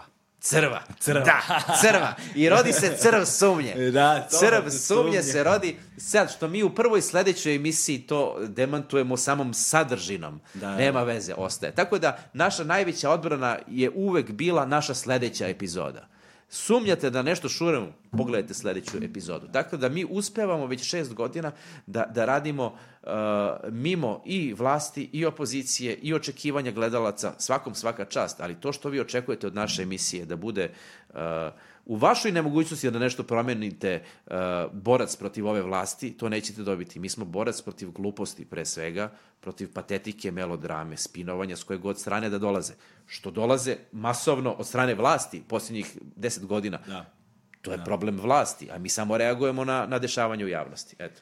I kao što si početkom 2000. godina sa jedne velike uh, televizijske kuće B92 pao na ovaj, Metropolis. na Metropolis koji se vidi ono tri ulice oko Jest. Terazija, odnosno kao takozvana beogradska televizija, ali se Jest. nije videla u svim beogradskim opštinama. Pa. Na isti taj način uh, ne baš taj isti, ovaj, si sa jedne nacionalne, ste sa jedne nacionalne frekvencije Jest. sada došli na jedan kablovski kanal Tako je. ovaj, ali isto kao što je Metropolis bio početak jednog ogromnog uh, i veoma važnog putovanja u svom životu koje će se ispostaviti vrlo plodonosno. Isto na taj način možda ovo sada novo okruženje, bez obzira što više niste na nacionalnoj frekvenciji, možda bude isto tako plodonosan put dalje. Zanimljiva, zanimljiva usporedba, jako okolnosti nisu iste. Sa 92-ke nisam želeo da odem, faktički sam bio, eto, oteran na jedan lep način. Ovaj, sa- Oteran na lep način. Odavde nas niko nije terao sa O2. Da. Dobili smo ponudu od e, Nove S da pređemo. Na nama je bilo hoćemo li ili nećemo. I nismo bili u fazonu idemo ono 100%. Ne, zato što mi i ovde i tamo i gde god ako budemo sutra radili, mi ćemo imati našu oazu, jer to je jedini način da postoji emisija. Da, oazu da. slobode, potpune autorske slobode da radimo. Nama se ovde na O2 niko nije mešao u posao. God- Godinama nam se niko ne mešao u posao. Tako će biti na Novo S. Dakle, da što se tiče emisije, ona se neće razlikovati. E sada, istina je da, da prelazimo na manju televiziju, ali je i istina da na toj manjoj televiziji ima boljih igrača. Mi ćemo imati tamo konkurenciju, što davno nismo imali. Da. Mi smo se borili protiv samih sebe do sada. U okviru našeg tima... Kako smo mi kolokvijalno nazivali O2 groblja rejtinga, sem 24 Da, minuta. u okviru našeg tima, naše emisije, mi imamo takođe, bar ja doživljavam e, kao jedan kompetitivni duh takmičenje, ko će imati bolje komentare, ko će napisati bolji osvrt. Ono sa, sa ređanjem koje, koje nabrajaš sam ja smislio. To je moja ideja, ja sam ponosan na to. Uh, se, segment uh, uh, Srbija spava, odnosno Srpski san, uh, je, su napisali njuzovci bez mene. Ja nisam bio tu, to je njihova i to je u nekom izboru Biz Life ili kako zove sajt, izjava godine koju sam ja rekao, naravno, ispred našeg tima, ali je nisam pisao. Ovo jesam pisao. Tako da u okviru naše emisije mi više ne možemo da prepoznamo šta je neko pisao, da smo dobar, dobri kao Da. tim. To, to si i sam uočio. Tako da gde god bili, mi ćemo biti tim. E sad ovde ćemo imati konkurenciju, jer u petak uveče ide Ivan Ivanović, u nedelju uveče ide Olja Bečković, a mi smo u subotu, tu smo u jednom sendviču. U Klješteni. Opet gangbang. U sendvičarini, opet gangbang. I mi ćemo dati sve od sebe da budemo najbolji u tom sendviču. Da budemo najzabavniji, da budemo, ako treba, i najgledaniji. I, i e, baš zato što volim da se takmičim. I hoću da se takmičim. Na O2 nisam imao s kim da se takmičim. Tako da sve ima svoje pluseve i minuse. uh, sa popularnošću 24 minuta ti stičeš ono interstelarnu slavu koju do tada nisi imao. Um, I dešava se da tvoji živi nastupi počinju da dobijaju jednu novu dimenziju odlazaka dijasporu. I ti počinješ da obilaziš, obilaziš znaš ti, uh, iz Čikaga moj, dobro znaš ti koji, uh, Amerika, Kanada, uh, Engleska, gde si u Australiju bio? Nisam Nisi bio u Australiji, ali bio sam u Holandiji, Norveškoj, To. u Dubaju sam bio. A, I kako bi mogao da opišeš, pošto je to, recimo ja sam primetio tri trenutno najznačajnije teme kojima bi trebalo svi medijski, sve medijski kuće se bave u 2020. godini, pored, naravno, političkih aktualnosti, ovaj, to je mentalno zdravlje, očuvanje životne sredine i ono što je vrlo specifično za nas, a to je odliv mozgova. Dakle, uh, odlazak naših ljudi preko granice je nešto što je vrlo simptomatična stvar, ali je ovaj, ovaj talas poslednji uh, najopasniji, jer mi smo imali recimo te tri velike, da kažemo se obe, tri velike migracije, imali smo posleratnu, posle drugog svetskog rata političku ovaj, migraciju, kada je dolazak socijalističke vlasti, pa onda odlazak Četnika, Ustaša i tako dalje. Onda smo nakon toga imali tu ogromnu gastarbajt 60-ih, jel te, 70-ih godina. Nakon toga smo imali ratnu jel te, migraciju ponovo, ono, ovaj, ratnu migraciju rata 90. godina i nakon 2000. godine počinje ta, nazovimo je uslovno rečeno, ekonomska migracija, ovaj, kada više ne ide, kada odlazi visoko školovan kadar i srednja i visoka klasa i ovako onaki svi odlaze prosto i veliki broj mladih takođe napušta državu a, i ta tendencija rasta posebno ukoliko se desi ulazak nekim čudom u Europsku uniju, će biti egzodus potpuni. Nemačka, evo, 2020. godine, sad od marta, radne vize oslobađa za određene strukovne oblasti. U medicini ćemo videti sve. Ćao, ljudi upisuju medicinski fakultet i kurseve nemačkog jezika paralelno.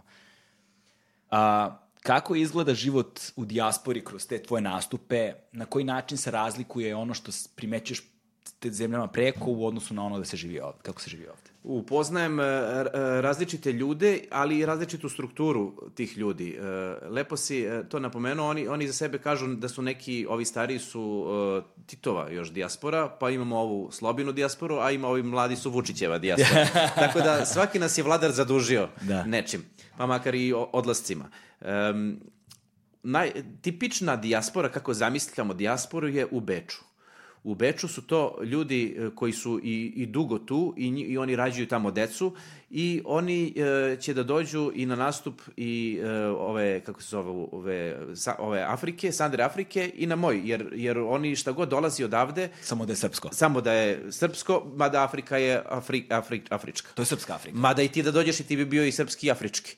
Tako da... Zapravo to na neki čudan način duh nesvrstanih i dalje nesvrstanih i dalje živi. Duh nesvrstanih živi u Sandri Africi. Tako je, tako je. Ovaj, e, zatim, u Londonu sam... Da li u Africi ima srpske Sandre?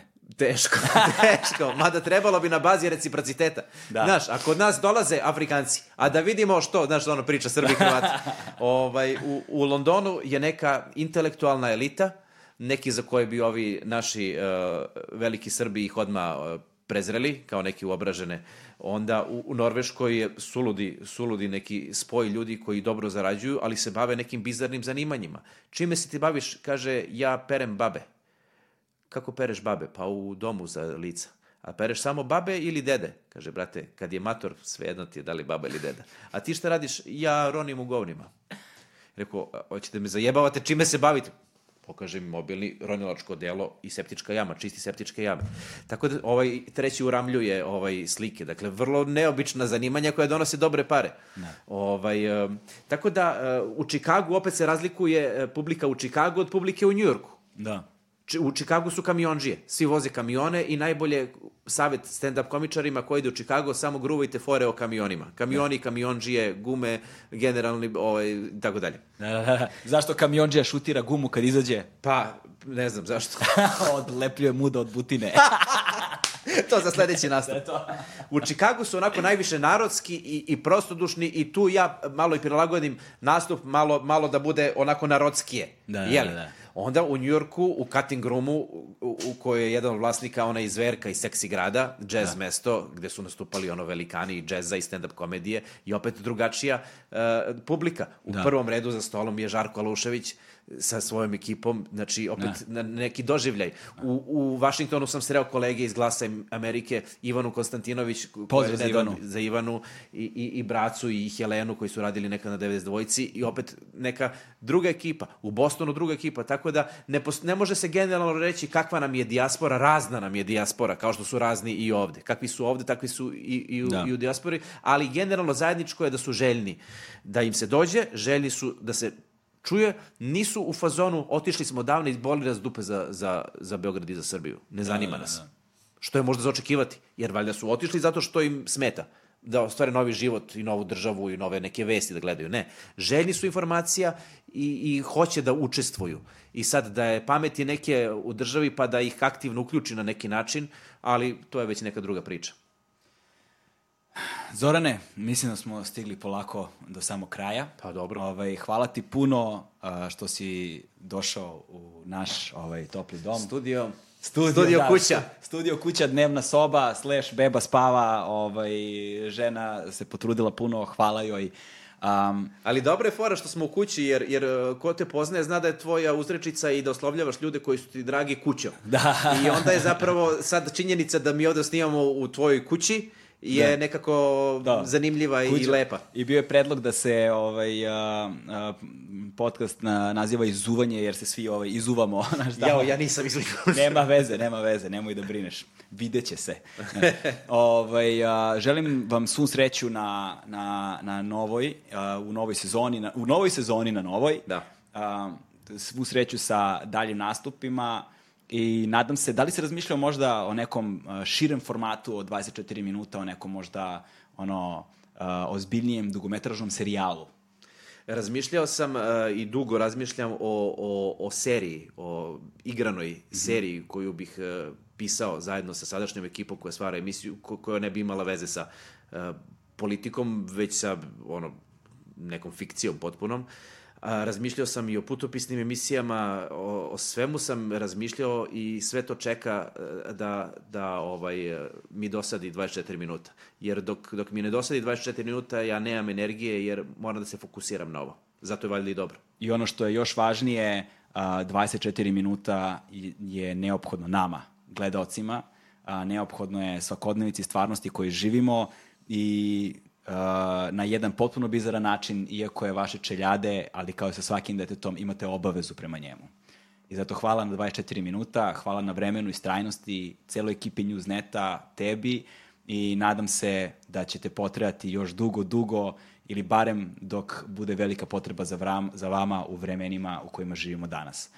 I uh, za sam kraj samo da pozdravim uh, sve ovaj online i da kažem ukoliko želite da podržite naš podcast, evo napravio sam i ovaj onaj Patreon, Patreon ili kako god da se zove, podržite nas jer za ne znam koliko sam vidio, nekak 30 nešto hiljada pregleda zarađuješ 0,20 uh, dolara, tako da ovaj, molim vas podržite nas na Pat- Patreonu i hvala ti puno Kesić još jednom, nadam se da se vidimo uskoro na nekom drugom priliku. Hvala tebi što si me pozvao i ja pozivam sve gledalce koliko ko može da da galebu. Molim vas, dajte, nemamo. Vidimo se, hvala. Ćao.